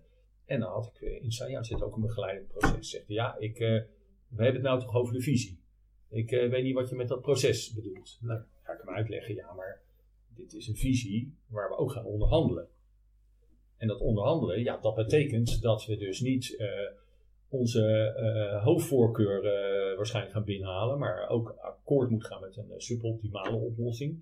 En dat vergt dat we tussentijds moeten gaan communiceren. Nou, dan merk je dat dat deel, dat, dan vinden ze al dat ik aan het zwabberen ben. Ja, ja, en dan gaat terug naar jouw vraag van, is, de, is beleid nog wel, Nou, dat is, weet je wel, ja, want, houdbaar? ja, dit is eigenlijk een omweg om, om te zeggen, natuurlijk is beleid nog steeds nodig en houdbaar, maar je moet accepteren dat, daar, dat, daar, dat je daar flexibeler mee om moet gaan. Ja. En, dan, en dat moet je deels via een proces eh, oplossen. Nou, daar hebben wij allemaal mooie woorden voor, hè? werkenderwijs en iteratief. En, en je merkt dat dat heel erg wringt tegen onze normale cultuur en onze Ja. normale verantwoordings. Maar dat is überhaupt, ik denk dat bij heel veel overheden zo is. Ik denk dat, eh, dat, eh, dat ook gemeenten hier echt heel erg mee aan het zoeken zijn. Zo van, weet je wel, wat, want aan de ene kant wil je het als overheid, weet je wel, ben je heel erg, eh, ben je ook van de regels en de procedures en de gelijkheid en de rechtvaardigheid en het voor Kaders. iedereen goed doen en kaders. Ja, Ja. kaders, procedures, beleid. Dat is ook eh, een van de dingen waar we ons ook wel toe op aarde voelen. En dat is misschien ook wel voor een deel waar het imago van de ambtenaar, weet je wel, dat je altijd kan verschuilen achter regels en beleid. En, eh, weet je wel, dat is, dat, dat, dat, dat, dat verkeert allemaal op gespannen voet. Maar ja, als je met de opgaven die nu op ons afkomen, op al die overheden, ehm, ga je het ook niet meer redden als je allemaal zeg maar in Nee. je, in je gaat zitten. En we, we gooien het niet helemaal weg, want we hebben nog echt heel lekker eh, dat vangnet van die regels. Hè, wat, wat- wat er ook eh, gebeurt, ze gaan geen eh, nieuwe huizen op die dijk bouwen. Hè? Of tenminste niet op zo'n wijze dat wij het niet goed vinden. Daar hebben we gewoon Nee. onze regels. Gemeenten hebben dat natuurlijk ook. Maar we hebben juist die ambitie om er meer uit te Ja, halen uit zo'n... en-. En, en, en dan kunnen we dat niet met onze eh, traditionele Nee, gereedschapskist van eh, eh, Nee. vergunningen. Dus ik, ik, ik geloof dat er nog heel veel met eh, beleid kan, maar dan moeten we wel eh, dat durven te accepteren dat je daar. Ja, dat je niet één heilige waarheid hebt en dat je er pragmatischer mee om kunt gaan. Ja. Heb, je dan, heb je het idee, want je werkt al een tijdje, is dat dat ook, eh, daar heb je ander type personeel voor nodig, tot op zekere hoogte? Nou, is dat nou echt aan het veranderen, zeg maar? Ja. Want ook aan de andere kant, weet je, hoor ik dat je in Amsterdam eigenlijk met het, hetzelfde bezig was. Maar dan anders. Ja, en daar moet ik eerlijk toegeven dat ik soms ook denk van hoe kan dit? Ik kwam dus vanuit Amsterdam, waar eh, het watertoetsproces dus echt was dat ik vanaf het begin met eh, Waternet was samen zat en eh ja, het ontwerpen was. Volgens boekje eigenlijk. op- ja. Van het begin af aan. En toen het kwam ik bij Rijnland. En toen, eerst was er een, team die dat deed, wat helemaal eh, eh, geïsoleerd. En toen werden ze bij vergunningverlening gegooid. En wat echt fundamenteel anders is, hè. Vergunningverlener, ja, die moet toetsen aan kamers.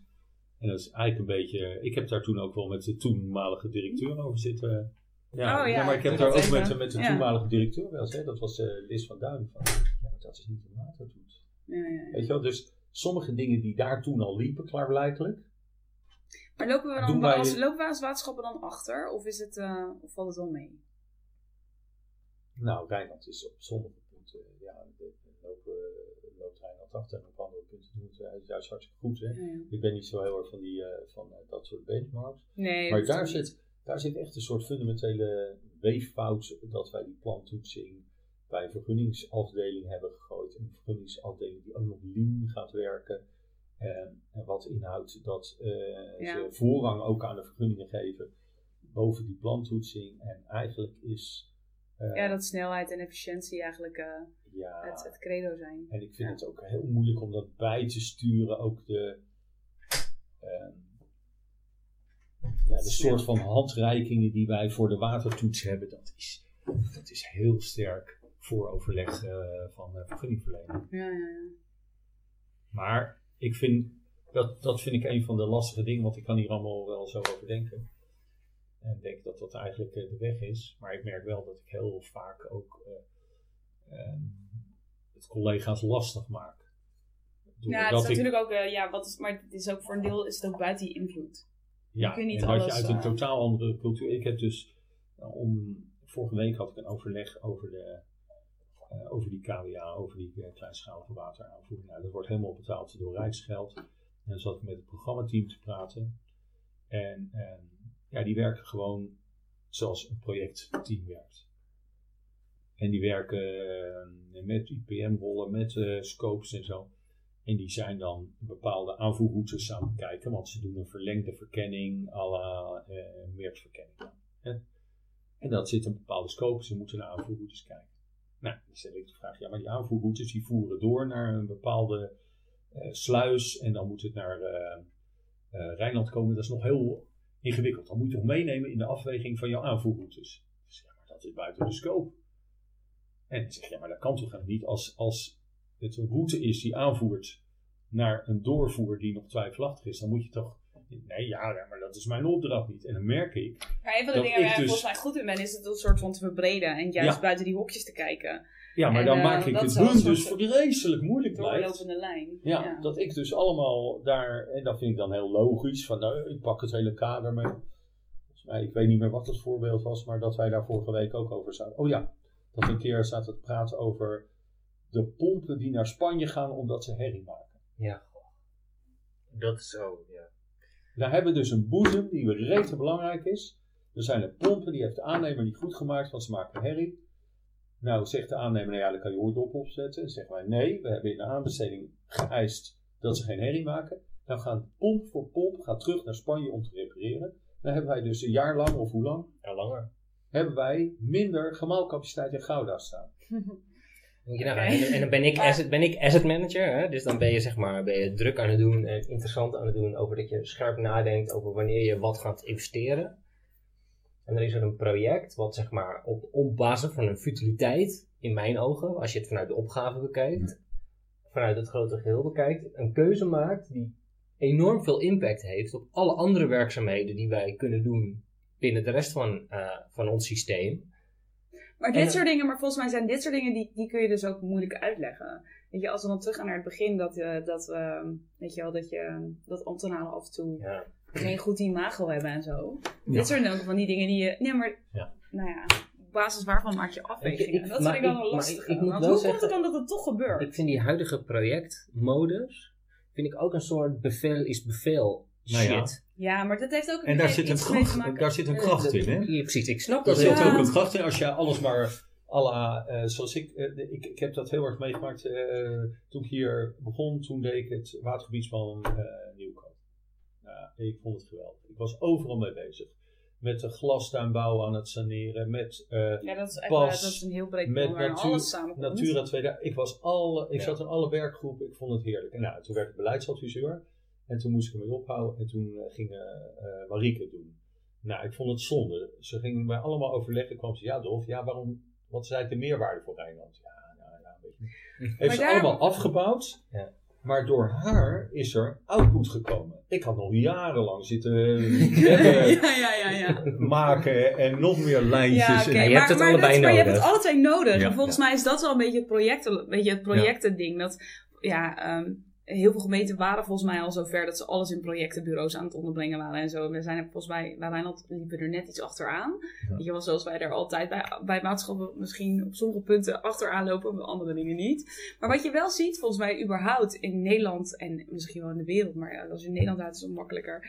Ehm, weet je wel, dat er gewoon heel veel nadruk ligt op efficiëntie. En eh, dat het allemaal smart en doelmatig. En dat je het heel erg op heel erg, weet je, alles moet meetbaar, afrekenbaar zijn.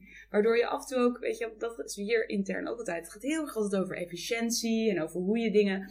Terwijl je voor een deel ook de rafelrandjes en de, en de nou ja, weet je, het is aan de andere kant een wijze bende. Maar dat je dat ook nodig hebt, zeg maar, om. om je, dat het echt puur allemaal zit, en dat zit met de regering ook en zo, weet je. Het is allemaal ingericht op het moet, het, de markt en het moet allemaal, weet je wel. Alles wordt soort gekwantificeerd in op meetbare dingen, terwijl sommige dingen niet meetbaar zijn. Vind ik wel interessant. Ja, en ik geloof heel Sorry, erg- het is heel meta. ja, heel erg. Zo meta, sorry. Ja, maar, maar soms in die ja, niet meetbare of eh, eh, onderhandelbare eh, zaken. En ik merk dat ik daar, dat, dat een heleboel mensen er heel oncomfortabel over worden. Hè. Bij die klimaat, met de aanpak van het Delta-programma Ruimtelijke adaptatie. Daar is een stresstest. Nou, dat herkent iedereen. Oh, leuk. als- En daarna komt een risicodialoog. Nou, dat vind ik een goed instrument. Dan gaat een gemeente, waterschap, bewoners, eh, projectontwikkelaars, eh, wooncorporaties gaan samen praten. Wat vind ik het probleem? Nou, vind ik helemaal de oplossing. Ik merk dat het merendeel denkt van, wat is dit voor een waardeloze oplossing? Ja, ja, omdat het Kan- wat, eh, Kan de Delta-commissaris niet gewoon zeggen, heel Nederland moet tegen de 60 mm bouwen? Ja, ja, Hè, dan weet ik waaraan ik toe ben. Maak het lekker, Ja, hebben maak het lekker Kunnen we het kapot rekenen en kunnen nou ja, kunnen we kapot geven? Geef nou een kader. Wat is nou een Ja. opgave? Hoezo moet ik daar een dialoog over gaan voeren? Wa- Wat, is dit voor vaags? En ik, ik merk dat ik heel erg believer ben in die, die... En ik merk ook dat ik daardoor vastloop. En eh, ja, heel vaak van die discussies heb dat je daar dat je totaal niet begrepen wordt. Maar ik, moet, ik vind het zelf ook wel lastig, hè? want in mijn huidige rol heb je zo'n norm echt nodig om, om, je, om zo efficiënt mogelijk je werkzaamheden te kunnen gaan programmeren en zo. En dan is het lekker om iets tegen iets aan te zetten. Maar aan de andere kant weet ik, precies wat jij zegt, juist dat je moet het beide doen. Daar zijn we ook een overheid voor. Wij moeten die lange termijn Ja. hebben. We moeten niet alleen projectjes bouwen, we moeten met de omgeving in gesprek zijn. Om, wij zijn de enige organisatie nog die langer, dan, die langer dan vier jaar zou moeten kijken. Alleen door de huidige, eh, weet je, door die, Ja, doordat het steeds zijn ook politieker ja, wordt, doen we ook. dat steeds minder. Ja, Wij kunnen nog investeren op de lange termijn. En, Ja. en dus je moet het ook echt allebei doen. En, en dus die, Ja. wat jij nou heel meta net aan het vertellen was over. Ik denk dat dat het deels is. Is dat je, je moet je, niet alles is efficiënt morgen nee. maar wel over 30 jaar. En daar moet je een goed gesprek over kunnen voeren over, weet je, eh, ja, Dolf leuk, je had nog 60 jaar in Nieuwkoop rond kunnen lopen, maar weet je, Ja. wat heb je nou uiteindelijk bereikt? Ja. Maar je moet het ook een soort kans geven of een bepaald vertrouwen hebben in de ambtenarij dat ze met de juiste dingen bezig ja, zijn. klopt ja. En daar ruimte voor laten. Ik vind Dat dat echt... niet allemaal kunt. eh, ja, jij geeft nou de ambtenarij. ehm, ik, ik, dit is wel iets waar we ook onze bestuurders hebben. Ja, daar hebben. gelijk. Ja. Nee, dat is- is gelijk. Ik, eh, dit is zeker niet alleen voor de, voor de, voor de ambtenarij. Hè. Wat we nu aan het doen zijn, bijvoorbeeld met het strategisch centrum, wat heel erg uh, antwoord is, dat, dat, dat is niet goed. Nee, nee, nee, maar je moet juist. Nee, maar het is wel een wisselwerking. Ja. En je bent wel als ambtenaar, dus ik vergeet dat. Zijn we de vierde macht of de vijfde? Dat hebben we de vorige keer ook niet goed ja, gedaan, niet hè? goed, Dit hè? moeten we gaan Nee, Dit Wikipedia. moeten we even gaan Wikipedia. Even factchecken. maar dat we, dat we dan ook als verantwoordelijkheid hebben als organisatie om dat te doen. Weet wel, dat het, Ja. dat het soms ook. eh, Ja, dat, want het is wel nodig ook naast de politiek. Die Hey. korter. eh, Hey Dolf, ik wil jou in in ieder geval nog één ding vragen. En daarna gaan we even kijken of we Ja, nog naar andere dingen komen. Maar wat ik zo tof van jou vind, is dat jij, eh, weet je, dan loop ik op het Delta-congres rond of, eh, of iets dergelijks. En jij bent eigenlijk altijd op het landelijke niveau bezig. Je werkt, Iedereen kent jou. je werkt bij, eh, bij eh, een van de grotere waterschappen van Nederland, daar niet van. Eh, en je krijgt hier wel eens gedoe, eh, wat je net ook al een beetje zei, van god Dolf, ben je eigenlijk wel, eh, je moet je gezicht hier binnen ook eens laten zien, je moet niet alleen buiten zijn, maar je bent echt een speler op dat nationale niveau. Hoe heb je dat nou voor elkaar gekregen, als daar al antwoord op te geven is? Ja, hoe ben je daar terecht gekomen? Daar ben je ingerold, dat was geen plan, hè? Even, Nee. even jouw... eh, ja, nee, is me ook weer eh overkomen. Ja, maar klaarblijkelijk vind ik dat wel leuk. ja. Hè, ik vind dat eh, boeiend en ik zie dat er eh, ook eh, heel veel rele- relevante discussies op dat eh, niveau worden. Maar waar beslecht. zit dan jouw meerwaarde ten opzichte van anderen dat jij daar dus succesvol in bent? Want je iedereen, meer mensen kunnen dat leuk vinden. Jij vindt het ook leuk en je doet het kennelijk goed, want anders, Ja, anders dit- zit je daar niet. Ja, er zit een stuk eh, eh, investering in. Hè, dat je echt wel moet weten hoe, hoe de dingen lopen. Hè. Dus ik, ik ben het hele stenogram van de wetgevend overleg eh, lees ik door. Weet je, ik probeer daar... Gewoon echt gewoon dingen lezen, zeg Ja, maar. ja, je moet echt wel een beetje weten waarover je het hebt. Hè? Ja. De, de, de, de belangrijke zaken. Ik heb ook wel eh, kunnen profiteren van ehm, nou, wat je aangaf, Rijnland een groot waterschap. Hè? Dat onderschatten, dat iedereen toch een beetje naar ons eh, opkijkt. Hè? Nou, Waternet heeft dat nog meer, maar wij zijn echt eh, niet zomaar een apart. Ik heb heel veel eh, gehad ook aan een uh, Doornbos. Ja. Hè, de hele zoetwaterpositie heb ik heel veel aan uh, Doornbos gehad. Daarom ben ik nog steeds... eh, ik denk dat we een prima opvolger hebben in uh, Rogier, die ook wel zo'n positie gaat krijgen, maar natuurlijk nog niet uh, direct. Het gaat over onze dijkgraaf. Uh, onze oude dijkgraaf en een nieuwe dijkgraaf. Ja, maar dat soort uh, factoren speelt mee. Ik denk dat ik ook wel, um, ja, soms. Uh, dat heeft misschien helemaal met dat begin te maken van die publieke zaak. Van wat vind je belangrijk, wat vind je rechtvaardig dat ik ook wel dingen kies die tegen soms uh, het Rijnlands uh, belang ingaan. de discussie die ik vorige week met het team van de KWA had, daar merkte ik dat ze echt ook dachten, waar ben jij nou mee bezig? We krijgen tot dat rijksgeld en dan gaan we gewoon toch allemaal zaken eh, aan, eh, waar- waarom ga je daar over de doelmatigheid praten? Maar dan gaat, bedoel je zeg maar de greater good boven Rijnland? Ja. Ja, ja, ja. Dus dan het grotere... ik van, als ik op een gegeven moment een watergangje in uh, Lopenkerwaard moet aanleggen die eh 1 kuub aanvoert naar Rijnland en eh, 10 miljoen eh, kost, ook al heb ik dat geld. Hè, daarom, ik sprak jou ook aan, hoe gaat dat bij het HBBP? Wanneer gaat het Rijk zeggen, ja maar dit is, dit is afdeling gouden kranen. Eh, dan, maar dan heb ik dat dus zelf. Ja. Dat ik denk vanuit, eh, ja maar dat vind ik naar het Rijk ook niet, eh, dit vind ik geen eh, reële vraag. En ik merk dat ik daar frictie krijg soms ook met mijn... eh, eh, ja, maar het maakt ze wel succesvoller, denk, je- denk je? Ja, ik, ik ja. weet... Als je op het landelijk niveau Ja, wil meespelen, is zo'n zo noodzakelijk. Ik weet Ja. dat het, eh, ik ben ook, eh, ja, ik deel dit soort dingen ook. Ja. Dat is misschien, eh, er zijn Rijnlanders die dat helemaal eh, niks vinden. Ehm, ik, ja, ik ga ook, ook wel tegen, eh, tegen mijn eigen bestuurders in. Eh, nou, het zal geen eh, verrassing zijn dat ik bijvoorbeeld Martine gewoon ook, ja, gewoon echt er eh, tegen inga. En dan, ja, en dan weet ik van, het is eigenlijk wel heel dubieus wat je doet, Doel, Dolf. Maar dan maak ik een afweging, denk ja, maar ik heb het gewoon goed. En wat jij doet, dat is. en dan.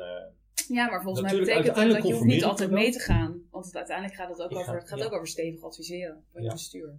en er zijn eh, bestuurders die daar eh, minder van gecharmeerd zijn. En er zijn er die dat eh, prachtig vinden. En komt het ook, als je het vaker een- doet, dan wordt het misschien ook makkelijker om het te doen. Of niet? Ja, inderdaad. Je merkt dat je een soort van backing hebt. Maar ik, ik merk ook nu binnen mijn eigen organisatie dat het best wel nodig is dat je ook een soort van interne dekking eh, vanuit je MT hebt. hè. Ik merk nu al dat ik eh, eh, ja, eh, het afdeling, we we hadden hiervoor natuurlijk Timo eh, van Tilburg, die dit ook gewoon herkende. Belangrijk is dat je ook in die landelijke circuit Ja. zit. Nou, die is nou weg. En eh, de huidige afdelingshoofd is toch echt iemand die ook meer uit die projecten wordt. Die gewoon echt ook behoefte heeft aan, zeg Alles maar hoe het moet. maken. En, eh, Nee, maar hij zei mij laatst, ja, het is wel een grappige. Ja, Trump heeft het soms goed. Ik ga maar nou weer.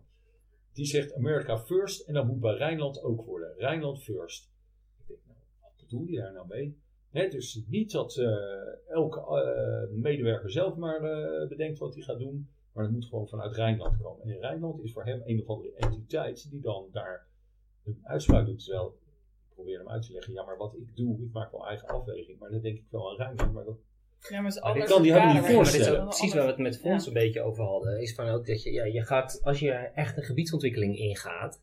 Als, weet je, wij gaan als overheid samen met een, ge- een gebiedsontwikkeling nadenken over wat het beste is. Dan is dat het beste voor de BV Nederland, zeggen mensen nou wel eens. Ja. Maar voor de publieke zaak, Ja. whatever. Ja, weet je, dan kan het zo zijn dat je iets meer betaalt. Of dat je Ja. iets, dat, je, dat soort dingen, dat hoort erbij. Ja, En dan moet, weet je, ik ga er uiteindelijk niet over, dus ik kan het wel vinden. Maar zo ga ik er wel in, weet je. Zo, ja, zo, als je er dat zo ga je niet in zit, ga je ook niet een voorstel maken wat er ooit in Nee. die richting kan gaan. Uiteindelijk beslissen wij niet. Maar dat zijn wel krachten die je tegenkomt in van die Ja. organisaties. Want daar zitten, weet je al, ja. Maar kijk, dat is ook de ergens logisch, want Juist. waar worden zij op afgerekend? Ja, op het logisch. kunnen leveren van capaciteit, op het kunnen leveren van, van afspraken, van resultaten. En dat gaat niet over het beter maken van Nederland, maar dat gaat over hoeveel FTE's heb je Ja. en, en dat soort. Ja, en het liefste krijgt, ze, eh, krijgt een heel aantal van onze eh, collega's dat als gewoon een hele heldere brok. Ja. Gewoon een hele moet heldere opdracht. Ja. Ja. En eh, dat ze dus niet zelf allemaal eh afwegingen moeten gaan maken. Maar nou, dit is het, dat heeft iemand bedacht. Hè, dat is al Rijnland. En, en dan gaan we dat uitvoeren. En het, het idee dat er anderen zijn, ja, zoals ik me ook eh, permitteer, die zelf allemaal grenzen gaan opzoeken en eh, ja, bredere afwegingen meenemen. Heb je wel eens een is- op je neus gehad? Met zoiets? Dat je gewoon dat je grenzen opzocht en daar uiteindelijk, eh, dat is... eh, Ja, dat je denkt, ai, dat was misschien toch niet zo. Ja, hij- best wel vaak. Ja, Oké, Ja, maar dat maar weerhoudt je er niet van. eh. Nee, want dan vind ik toch dat ik eh, eh, ja, of eh, gelijk heb, en, maar, en, en, en, ik, en ik accepteer het ook wel. Ja, je kunt Je het je ook... hebt er, heb je kunt er, hebt er geen last van. Nee. En ik weet gewoon dat het zo loopt van ik heb mijn best gedaan. En, eh, en ja, ook sommige dingen in het klimaatteam, dan denk je, ja, weet je wel, dat, dat, weet je waarschijnlijk heel goed toen we die eh 3D-kaart gingen aanschaffen. Nou, dat vond ik allemaal heel erg eh, hals over kop. En eh, Timo ziet een paar mooie kaarten en eh, we gaan een ton uitgeven. En, eh, maar dan denk ik, oké, want het kan ook goedkoper. Hè? Dat Ja. is gewoon. Maar dan denk ik, nou oké, eh, daar zitten mensen die daar de goede energie eh, van krijgen. We gaan ervoor en ik ga er gewoon het beste van maken. En ik ben nou blij dat die kaarten er zijn. Maar er zijn best wel, eh, nou het komt best wel regelmatig voor, dat er uitkomsten zijn. Waarvan ik denk, ja, nou, weet je wat hele zwaar voor mij was? Die zal je ook wel herkennen. Hoe we met de boezemstudie zijn omgegaan. Als er zo, als daar uitkomt hoe je in je risicobenadering met een Haarlemmermeer omgaat.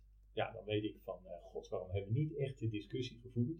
Die hebben we zo geframed, die boezemstudie, want het is heel erg. En we Ja, dat we die scherpte niet opzoeken, zeg maar. Ja, Terwijl ja, het er ja. eigenlijk uitkwam, Haarlemmermeer, 40 miljoen minstens, 2 centimeter boezempeil, equivalent aan een uurtje eh, eerder starten met, eh, eh, met malen. Schade kan ik niet in beeld brengen. Nou, die discussie, dan, de, dan denk ik zelf van, ik wil hier de scherpte opzoeken. En ik weet ook van, ja, maar dan eh, knalt het. Ja, ja, knalt dus het je- zo uit je elkaar. pikt ook je momenten, zeg Ja. maar, natuurlijk. Oké, Ik, ga, ik ga- heb dat ook niet gedaan. Gewoon omdat dat. dat eh, eh, dat is hetzelfde als die pompen van, eh, van Gouda. Daar kan je onwijs principieel verhaal en dan inderdaad choose ja, maar your het is ook, battles. ja, choose your battles. Dat En is, je weet er wel echt dat je- dat, ja, dat, je, er zijn dat, gewoon... de, de afwegingen. Ja. Dus Aan de andere kant had zoveel hij ook helemaal legitiem zijn, hè? Nee, maar, maar ik zat daar ook, want kijk, mijn voorganger zat daar heel zwaar in. Ja, ja, ja. Eh, eh, eh, en dat heeft hem tot op zekere hoogte ook niet altijd geholpen. Dus ja, je kunt inderdaad heel principieel die discussie nog een keer aangaan. En het is denk ik ook een terechte discussie en het is ook goed. Maar soms Ja. is het ook niet meer, past het niet meer in een Nee. organisatie om die discussie nog een keer aan te gaan. En Ja. moet je ook gewoon door. En Ja. weet je, de, de Betuwe-lijn ligt er nu. Ja, ja. Dan is dat de nieuwe Maar dat leer realiteit. je ook wel, Maar- zeg maar. Ja, maar daar ben ik best ook wel eh, ja, makkelijk in. Hè? Bij die, eh bij die Mozambique-missie, daar hadden we, we zouden een eh declaratie gaan ondertekenen en zo. En daar had ik mijn ziel en mijn zaligheid in. eh en dat waren daar twee weken en zo. En ter vergadering beslist de, eh, de nou ja, onderminister van nou, we gaan dat toch maar niet onder, want het ging mis tijdens die eh, vergadering. Nou, toen kwamen ze ook later naar me toe van, is het nou vervelend, je hebt hard aan de ding. Nee, dat, dat heb ik je eerder gedaan. Voor het Delta-programma ook heel vaak van. Wat ik, Je bent op het spoor bezig en ik geloof er helemaal in, maar ja, uiteindelijk. eh, wat ik wel grappig vind, want ergens haal ik uit dit gesprek eh, dat eh, het loont om niet al te principieel en al te gedreven te zijn. Omdat Ja, als, je, als, je, als, je, als, je, er- als je er pragmatisch in zit en gewoon vanuit een, Ja. wel vanuit een bepaalde overtuiging hè, voor de publieke zaak, iets eigenlijk maar niet, dan is het ook makkelijker om te anticiperen omdat je verwachtingen van tevoren niet zo. Klopt dat een ja, beetje? ook een beetje. nee, nou maak ja, ik hem dan te plat? Ehm, ik, ik denk dat, eh, omdat je het woord gedreven eh, zegt, van, eh, dat je dat moet laten. Ja, ik ja, denk dat je die drive waanzinnig Ja, je hebt dan Ja. zo- Anders, anders, Ja. begin je, anders ga je helemaal niet uit. Dat, eh, de, en, en dat heeft niet iedereen. Nee. Dat hij nou echt denkt dat het. eh, ik denk voor mezelf dat het belangrijk is waarmee ik bezig ben en dat ik ergens verschil kan maken. En anders, een heleboel hebben dat helemaal niet. Dat heb je wel nodig. Alleen ik zit er wel heel pragmatisch in van ehm, ja, op een gegeven moment doe je je best. En eh, ja, en als het dan anders loopt, dan, dan kan ik ook accepteren. En dan ga ik direct naar plan B. Van oké, dit is een nieuwe randvoorwaarde, hoe gaan we het dan? Ja, dat herken eh, ik wel bij jou, ja. ja, dat hoe heb je dan echt geen last van. dat is, Maar, heb je dat, maar dat heb je volgens mij dan, als je het zo verhaal hoor, ook altijd al gehad. Want eh, als ik dan het Heb je dat moeten leren? Mozambique, of heb je dat heel erg geleerd?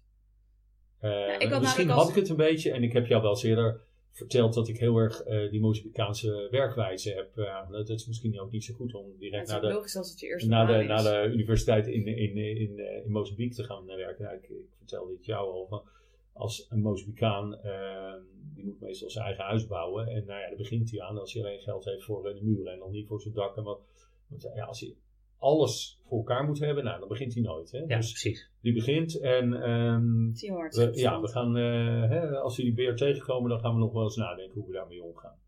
Nou, die wijze van werken, hè, dat, dat zit nog steeds heel diep in mij ook. Hè, daar kan ik me helemaal prima in voelen. Ik heb daar hier bij Rijnland ook op het begin wel eh, problemen mee gehad. Dat, dat, eh, teamleider Sylvia toen nog, dat hij vroeg van, nou ja, je planning op. En ik weet je wat, eh, nou ja, had wel een doel ergens, ik wil ergens wel een keer zijn, Ja. Dat ging ik helemaal niet uitschrijven. Of risico, eh, alle risico's Die van vastigheid heb je dus ook niet nodig. Nee, hè, Nee. daar kan ik heel Je erg heel eh, flexibel. Ja. En dat zal inderdaad te maken hebben met hoe ik een beetje ben eh, begonnen Ja. te werken.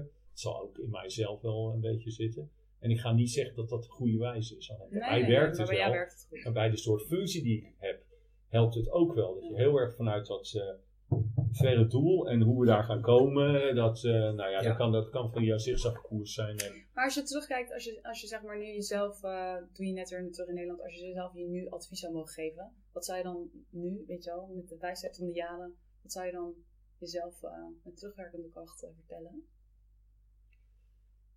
ja, dat is wel. Ja, ik dacht toen dat ik, eh, dat ik bijvoorbeeld erg, erg techneutisch, dat ik dat leuk zou vinden. Hè? Weet je wel? Omdat er toch, ik wilde dingen maken waar mensen wat aan hebben. En dus ik heb heel lang, eh, dacht ik dat alles van beleid helemaal niks was. En daar heb ik nu ook ontdekt dat dat heel erg leuk is. Ja, wat ik nou echt voor advies, ja, ik vind het, want daar gingen we net een beetje overheen toen ik hier bij Rijnland kwam. Toen dacht ik, waarom ben ik eigenlijk weggegaan in Amsterdam? Ja, ja. Ik had het zo. En toen zat ik hier drie maanden en ik denk, god, wat leuk weer. Helemaal nieuwe netwerken opbouwen en zo. En dus ja, bij mij gaat het klaarblijkelijk dat ik dat helemaal niet bewust weet. Wat, eh, van dat ik eh, weer behoefte heb aan iets nieuws eh, te gaan doen. En ehm, ja, dat vind ik ook wel fijn. Ja, van, weet je wel, die, die kritiek die ik kreeg. Ja, ja, maar dus ook het nieuwe Het- omarmen. het overkomt u, ja, dat, klaarblijkelijk vind ik dat wel fijn. En zit er onbewust best wel iets dat ik een soort van switches maak. Dat heb ik bij Rijnland natuurlijk ja. ook gedaan. Waarom daar ben, ik, waarom ben ik naar dat nationale spoor gegaan? Dat is niet echt dat het me gevraagd is, maar ja, ehm, Maar je bent er wel in terechtgekomen. ja, ik ben er wel. En, en, en nu denk ik van ja, maar ik had, ik had ook niet anders eh, moeten doen. Hè? Dit is helemaal wat ik leuk vind. Ja. En dat heb ik, eh, maar daar heb ik niet op een gegeven moment aangegeven in een planningsgesprek. Ik wil wat meer op het nationale niveau gaan acteren. Maar ja, dat, klaarblijkelijk groeit dat wel mee. Dus het is een eh, lastige vraag die je me stelt. Van wat, wat- hoe je me toen had eh, kunnen helpen. Of hoe ik mezelf had, had kunnen helpen. Ik heb het wel heel zwaar gehad. Maar eh, weet je wel, het eerste jaar. Maar dat heeft iedereen als je aan het buitenland komt. Ja. Nee, ja, het is Heel erg, misschien kunnen wij daar ook nog... Bij het drinkwaterbedrijf, dat was echt de, dramatisch. Als je daarvoor echt eh, in Mozambique naast de minister zit, kruisjes zetten. En hier gaan we de putten in een, een stadje maken. En je bent daar opeens weer onder knuppel in zo'n hele... Ja, in zo'n hele hiërarchie. Ja. Ja. En ik deed, een, ik, deed een, ik deed een onderzoek. Echt zo'n... We gingen de duinen regenereren. Misschien heb je het woord. Hè? Er moest natuur komen en dan Ja. moesten er waterwinningen weg. En uiteindelijk, dat drinkwaterbedrijf wil natuurlijk geen enkele winning dichtgooien. Dus elke drie maanden waren we weer bij de provincie. En dan, eh, nou, ter vergadering werden weer drie nieuwe varianten bedacht. Die ging ik dan in een geohydrologisch model doen en een ecoloog ging dat weer. En na de derde keer had ik weer door. En ja, van hallo, ze willen helemaal niks. Het was, ik was gewoon tijd winnen. Weet je wel? Van eh, al die lekkere, die assets die draaien lekker. Ja. En dan hebben we hier een of andere eh, rookgordijn van, ehm, die zit te studeren. Hè, zoals Rijnland ook wel eens Ja. doet. Hè? Zoals wij in de Bollenstreek nog aan het studeren zijn. Hoe, Ja, een, eh, daarmee kan je heel goed hoe een ijzer eh, fosfaat eh, bindende drain werkt of zo. Ja. En dan zijn we drie jaar verder en die bollenboeren kunnen gewoon doorgaan met wat ze doen. Weet je wat, nou die strategie, daar werd- was ik onderdeel van. Ja. En dan kom je net uit Mozambique. Nou, dat is echt heel... eh, weet je wel, als je je nuttig wil voelen en je krijgt dan zo'n job. Nou, dat is Wat dramatisch. doe ik hier? Ja, dus A, ze wilden me niet hebben. en eh, B, eh, wat ik mocht doen was eh bezigheidstherapie. Ja, Ja. Dat, dat, eh, dus, en achteraf allebei erg nuttig geweest. Heb je dan, heb- heb- maar heb je toen nog wel iets, zelf iets gedaan? Of liep het ook zo dat je daarna andere opdrachten kreeg? Of heb je op een gegeven moment gezegd van, weet je, deze shit heb ik geen zin meer in. eh, eh, nog een keer zo'n... Ja, want als je dingen echt niet leuk vindt, dan ga je meestal toch wel bijsturen. Ja, ik ben er ook niet gebleven. En ik ging ook, al, ik ging ook al weer leukere dingen daar doen hoor. Ja. Dus eh, eh, Soms moet je ook gewoon even ja, weet je wel. eh, en ik, ja, ik had, eh, nou ja, wat ik eerst zei, ik had gewoon meegemaakt van eh, Nederlanders die dus te ver uit het Nederlandse werk eh waren gaan door naar buitenland. Dat die gewoon helemaal niet meer in Nederland aan de bak. Dus ik, ik had ook zoiets van, ik moet er even Ja, doorheen. Ja, En, eh, Werk hoeft ook niet altijd leuk te zijn. Het Nee. klinkt een Nee. beetje stom, maar Ja, precies. En eh, ik dacht, ik, ik zit ook een beetje bagage nou op te, op te, op, te- op te halen. Maar jij vindt je werk volgens mij wel heel leuk. Ik denk, eh, Hoeveel werk jij? nou, ik tel het niet op, maar ik zit heel vaak s'avonds nog eventjes. Ja, ja, maar als Ja, je dat dan vaak zo meer. tussen... Dat zou ik alleen kunnen doen als ik het, eh, als ik het, eh, Als je het echt leuk ja, vindt. als, dat, ik- als ik het leuk ja. vind. Ja. En, eh, als je geen kleine kinderen hebt die, eh, die iedere nacht wakker zijn, waardoor je instort om... eh, ja, nou ja, die heb ik dus eh, nee, dat scheelt soms. En eh, ik heb er ook natuurlijk heel veel dingen naast nodig. Hè? Als, Ja. als ik niet mijn eh, hardlopen en mijn hockey en weet je dat soort dingen. Ja, ja, ja, dat helpt Dus, natuurlijk ook. hè, die, ja, maar die, die, dat geeft me alleen maar meer, meer inspiratie. Ja, woensdag heb ik mijn, Dat straalt er ook Heb- wel vanaf. heb ik mijn hardloopavondje en dan heel vaak dat ik juist van 10 tot 12 eh, zinnige dingen doe. Als ik eerst heb hard gelopen. Dat is Ja, ja. voor mij zeer, eh, meditatief. zeer, zeer eh, essentieel. hey, Eh, volgens, mij. Ja. ja? volgens mij kunnen we al gaan afronden. Ja, Ja, ja, ja. hebt ook de publieke Ja, zaak, meer over mij, maar oké, dat is dan, eh, ja. Ja, ja, ja, maar we- dit is de publieke zaak. Nou ja, we hebben, er wel, we, hebben er wel, we hebben er wel aan geraakt in die zin. Ja. Ehm, en ik vond het in ieder geval een heel leuk Ja, ik gesprek. vond het een leuk gesprek. Interessant. Nou, het is wel grappig dat we, want het is wel, ik vond laatst, toen we het over die pomp hadden, dat is echt zo'n dilemma. Nou, daar heb ik er veel van. Dat ik denk van, jezus, moet- moet je hier nou in actie komen? Of Ja. Moet je het laten gaan. Ja. Ja. waarbij waar ik best wel heel veel ook laat gaan. Uh, ik denk dat we te veel laten gaan, eigenlijk. Gewoon omdat, omdat je ook niet alles tegelijk kunt en al die Nou, dingen. het. Ja, maar daar zouden we nog wel eens eh, in een volgende podcast ook eens wat verder op in kunnen gaan. Überhaupt, weet je wel, voor onszelf. Van hoe zorg je ervoor dat je dingen... Ja, waar, wel, wat laat je gaan en wat Ja. laat je niet gaan? Je ook laat niet toch best wel dingen... Je kunt niet alles... Nee, moet als je hele alles oppakt, leven, als je ook als de hele wereld op je schouders meetorst, dan... eh, En dat heb ik ook een beetje, als je het dus niet laat gaan, dan moet je het ook waarmaken om te helpen in Ja. dat. eh, Precies. ja, ja, ja. ehm, Waarmaken, ja. Dat is een goed woord. ervoor. Ja, en misschien, eh, hè, dat is dan eh, waar jij veel mee bezig bent. Ik heb dat ook best wel vaak in die eh, overleggen met de relatiemanagers. Dat je ook denkt van, ja, maar, maar dit kan niet hoe jullie opstellen. Hè? Dan denk ik, ja, maar hoe kan, ik, hoe kan ik je daar nou mee helpen? Ik weet, misschien weet je dat ook nog wel, dat we in de aanloop van die watertafels, dat werd daar helemaal eh, agressief eh, bejegend. Hè? Want dit is een eh, spoor van communicatie en het overkomt ons en ze luisteren niet naar ons. En dat ik dacht van, godverdorie, jullie moeten dit Omarmen. omarmen. Ja. Dit is is, een kans. Ja. ja, dit is een kans en het gaat gewoon gebeuren. En onze bestuurder staat er. En probeer er nou, eh, Ja, maar dat is ook een soort inzicht in het krachtenveld dat er omheen zit. En dat is dus wel, want je maakt ook voortdurend die afweging van waar ga je nou wel energie op zetten en waar niet op. Ja. Maar ja, weet je, je Ja, moet die inschatting wel kunnen maken. Mensen zijn soms te weinig meta. Ja, dat is Omdat, waar. omdat het past niet helemaal binnen het plaatje. Of ze hebben niet mogen meedenken Ja. over het plaatje. Want ja, je mag niet overal over meedenken nou, in deze wereld. Ze hebben niet mogen meedenken waardoor weerstand Ja. komt. Maar er zit ook een stuk weerstand vanuit de onzekerheid. Die weet ik heel goed. Maar hoe je daar nou aan kan gaan helpen. Maar dat vond ik een heel, heel moeilijk eh, verhaal om daar... eh, Maar dat is ook wel, ik vind het ook heel moeilijk om mensen mee te nemen in het meta. Want heel veel mensen haken compleet af als het over meta dingen gaat, weet je wel. Omdat ze dan niet meer, omdat het niet meer praktisch is, omdat ze het niet meer kunnen plaatsen, omdat ze niet de relevantie kunnen vertalen naar hun eigen je, maar moet je ook, moet je ook altijd, altijd iedereen maar meenemen, meenemen. Ja, daar, daar wordt in het hoe en het waarom? Of Oh. kunnen sommige mensen gewoon ook gewoon Ja, aan de slag gaan? ja of af en toe denk ik ook, ga gewoon aan het werk, weet je. Het moet Ja. gewoon. Hup. Ja. Geen discussie. Maar goed, ik ben Maar zelf goed, ook dit is mijn iemand, grote ding hoor. ik ben zelf Dat ook iemand die wel een beetje het nut heeft van, in, weet je, je, je hebt- er is wel een verhaal nodig voordat je in de startblok gaat staan. Dat is het ook. Ja, ook wel klopt. Maar, maar het is ook een soort vermogen dat je wat er gebeurt, soort kan, kop, kan vertalen naar waar Ja. jij mee bezig bent. En dan Ja, de, maar- de zinnige dingen eruit kunt pikken of zo. Maar daar ben ik helemaal met je eens dat er een verhaal moet zijn. Maar is dat dat doel? Of is dat een kookboek, weet je wel? Ja. En er zijn er Ja. champignons die het liefste, eh, ja, gewoon helemaal de flowchart. zo Precies. Ja, maar ik denk dus dat er heel Precies, veel mensen zijn die zo werken. Dus dat is ook gewoon de werkelijkheid. Dat ga je niet veranderen. Nee. Weet je, dus over tien jaar is dat nog steeds zo. Denk ik. Weet je, natuurlijk, er zit wel bij, bij ik denk dat er bij, bij misschien bij, bij nieuwe generaties een ander soort mindset. Maar het is ook gewoon, het is ook gewoon waar word je op afgerekend? Weet je, wat voor afspraken maak je? Wanneer doe je het goed? Ja, weet niet. Ik denk dat ik dat nu ook beter kan dan vroeger. Ja, maar dit is. Maar, Nee, maar als het over voorbeelden gaat, dat je denkt van ja, maar eigenlijk laat je hier iets lopen. Ja, die, die vind ik dat die zat, hè. Ja. ja. Oké. Oké, Cool. realiteit. Ja, Ja, we gaan weer aan de slag. Dankjewel. Grappig, hè? Ja. Oké. Dit was de podcast Publiek Werk, gemaakt door Jarno Deen en Laura Huigens. De muziek is van Bart de Jong. Vond je dit nou leuk? Vertel dan alsjeblieft aan je vrienden, familie en collega's. En vergeet niet om onze podcast een recensie en sterren te geven. Dankjewel.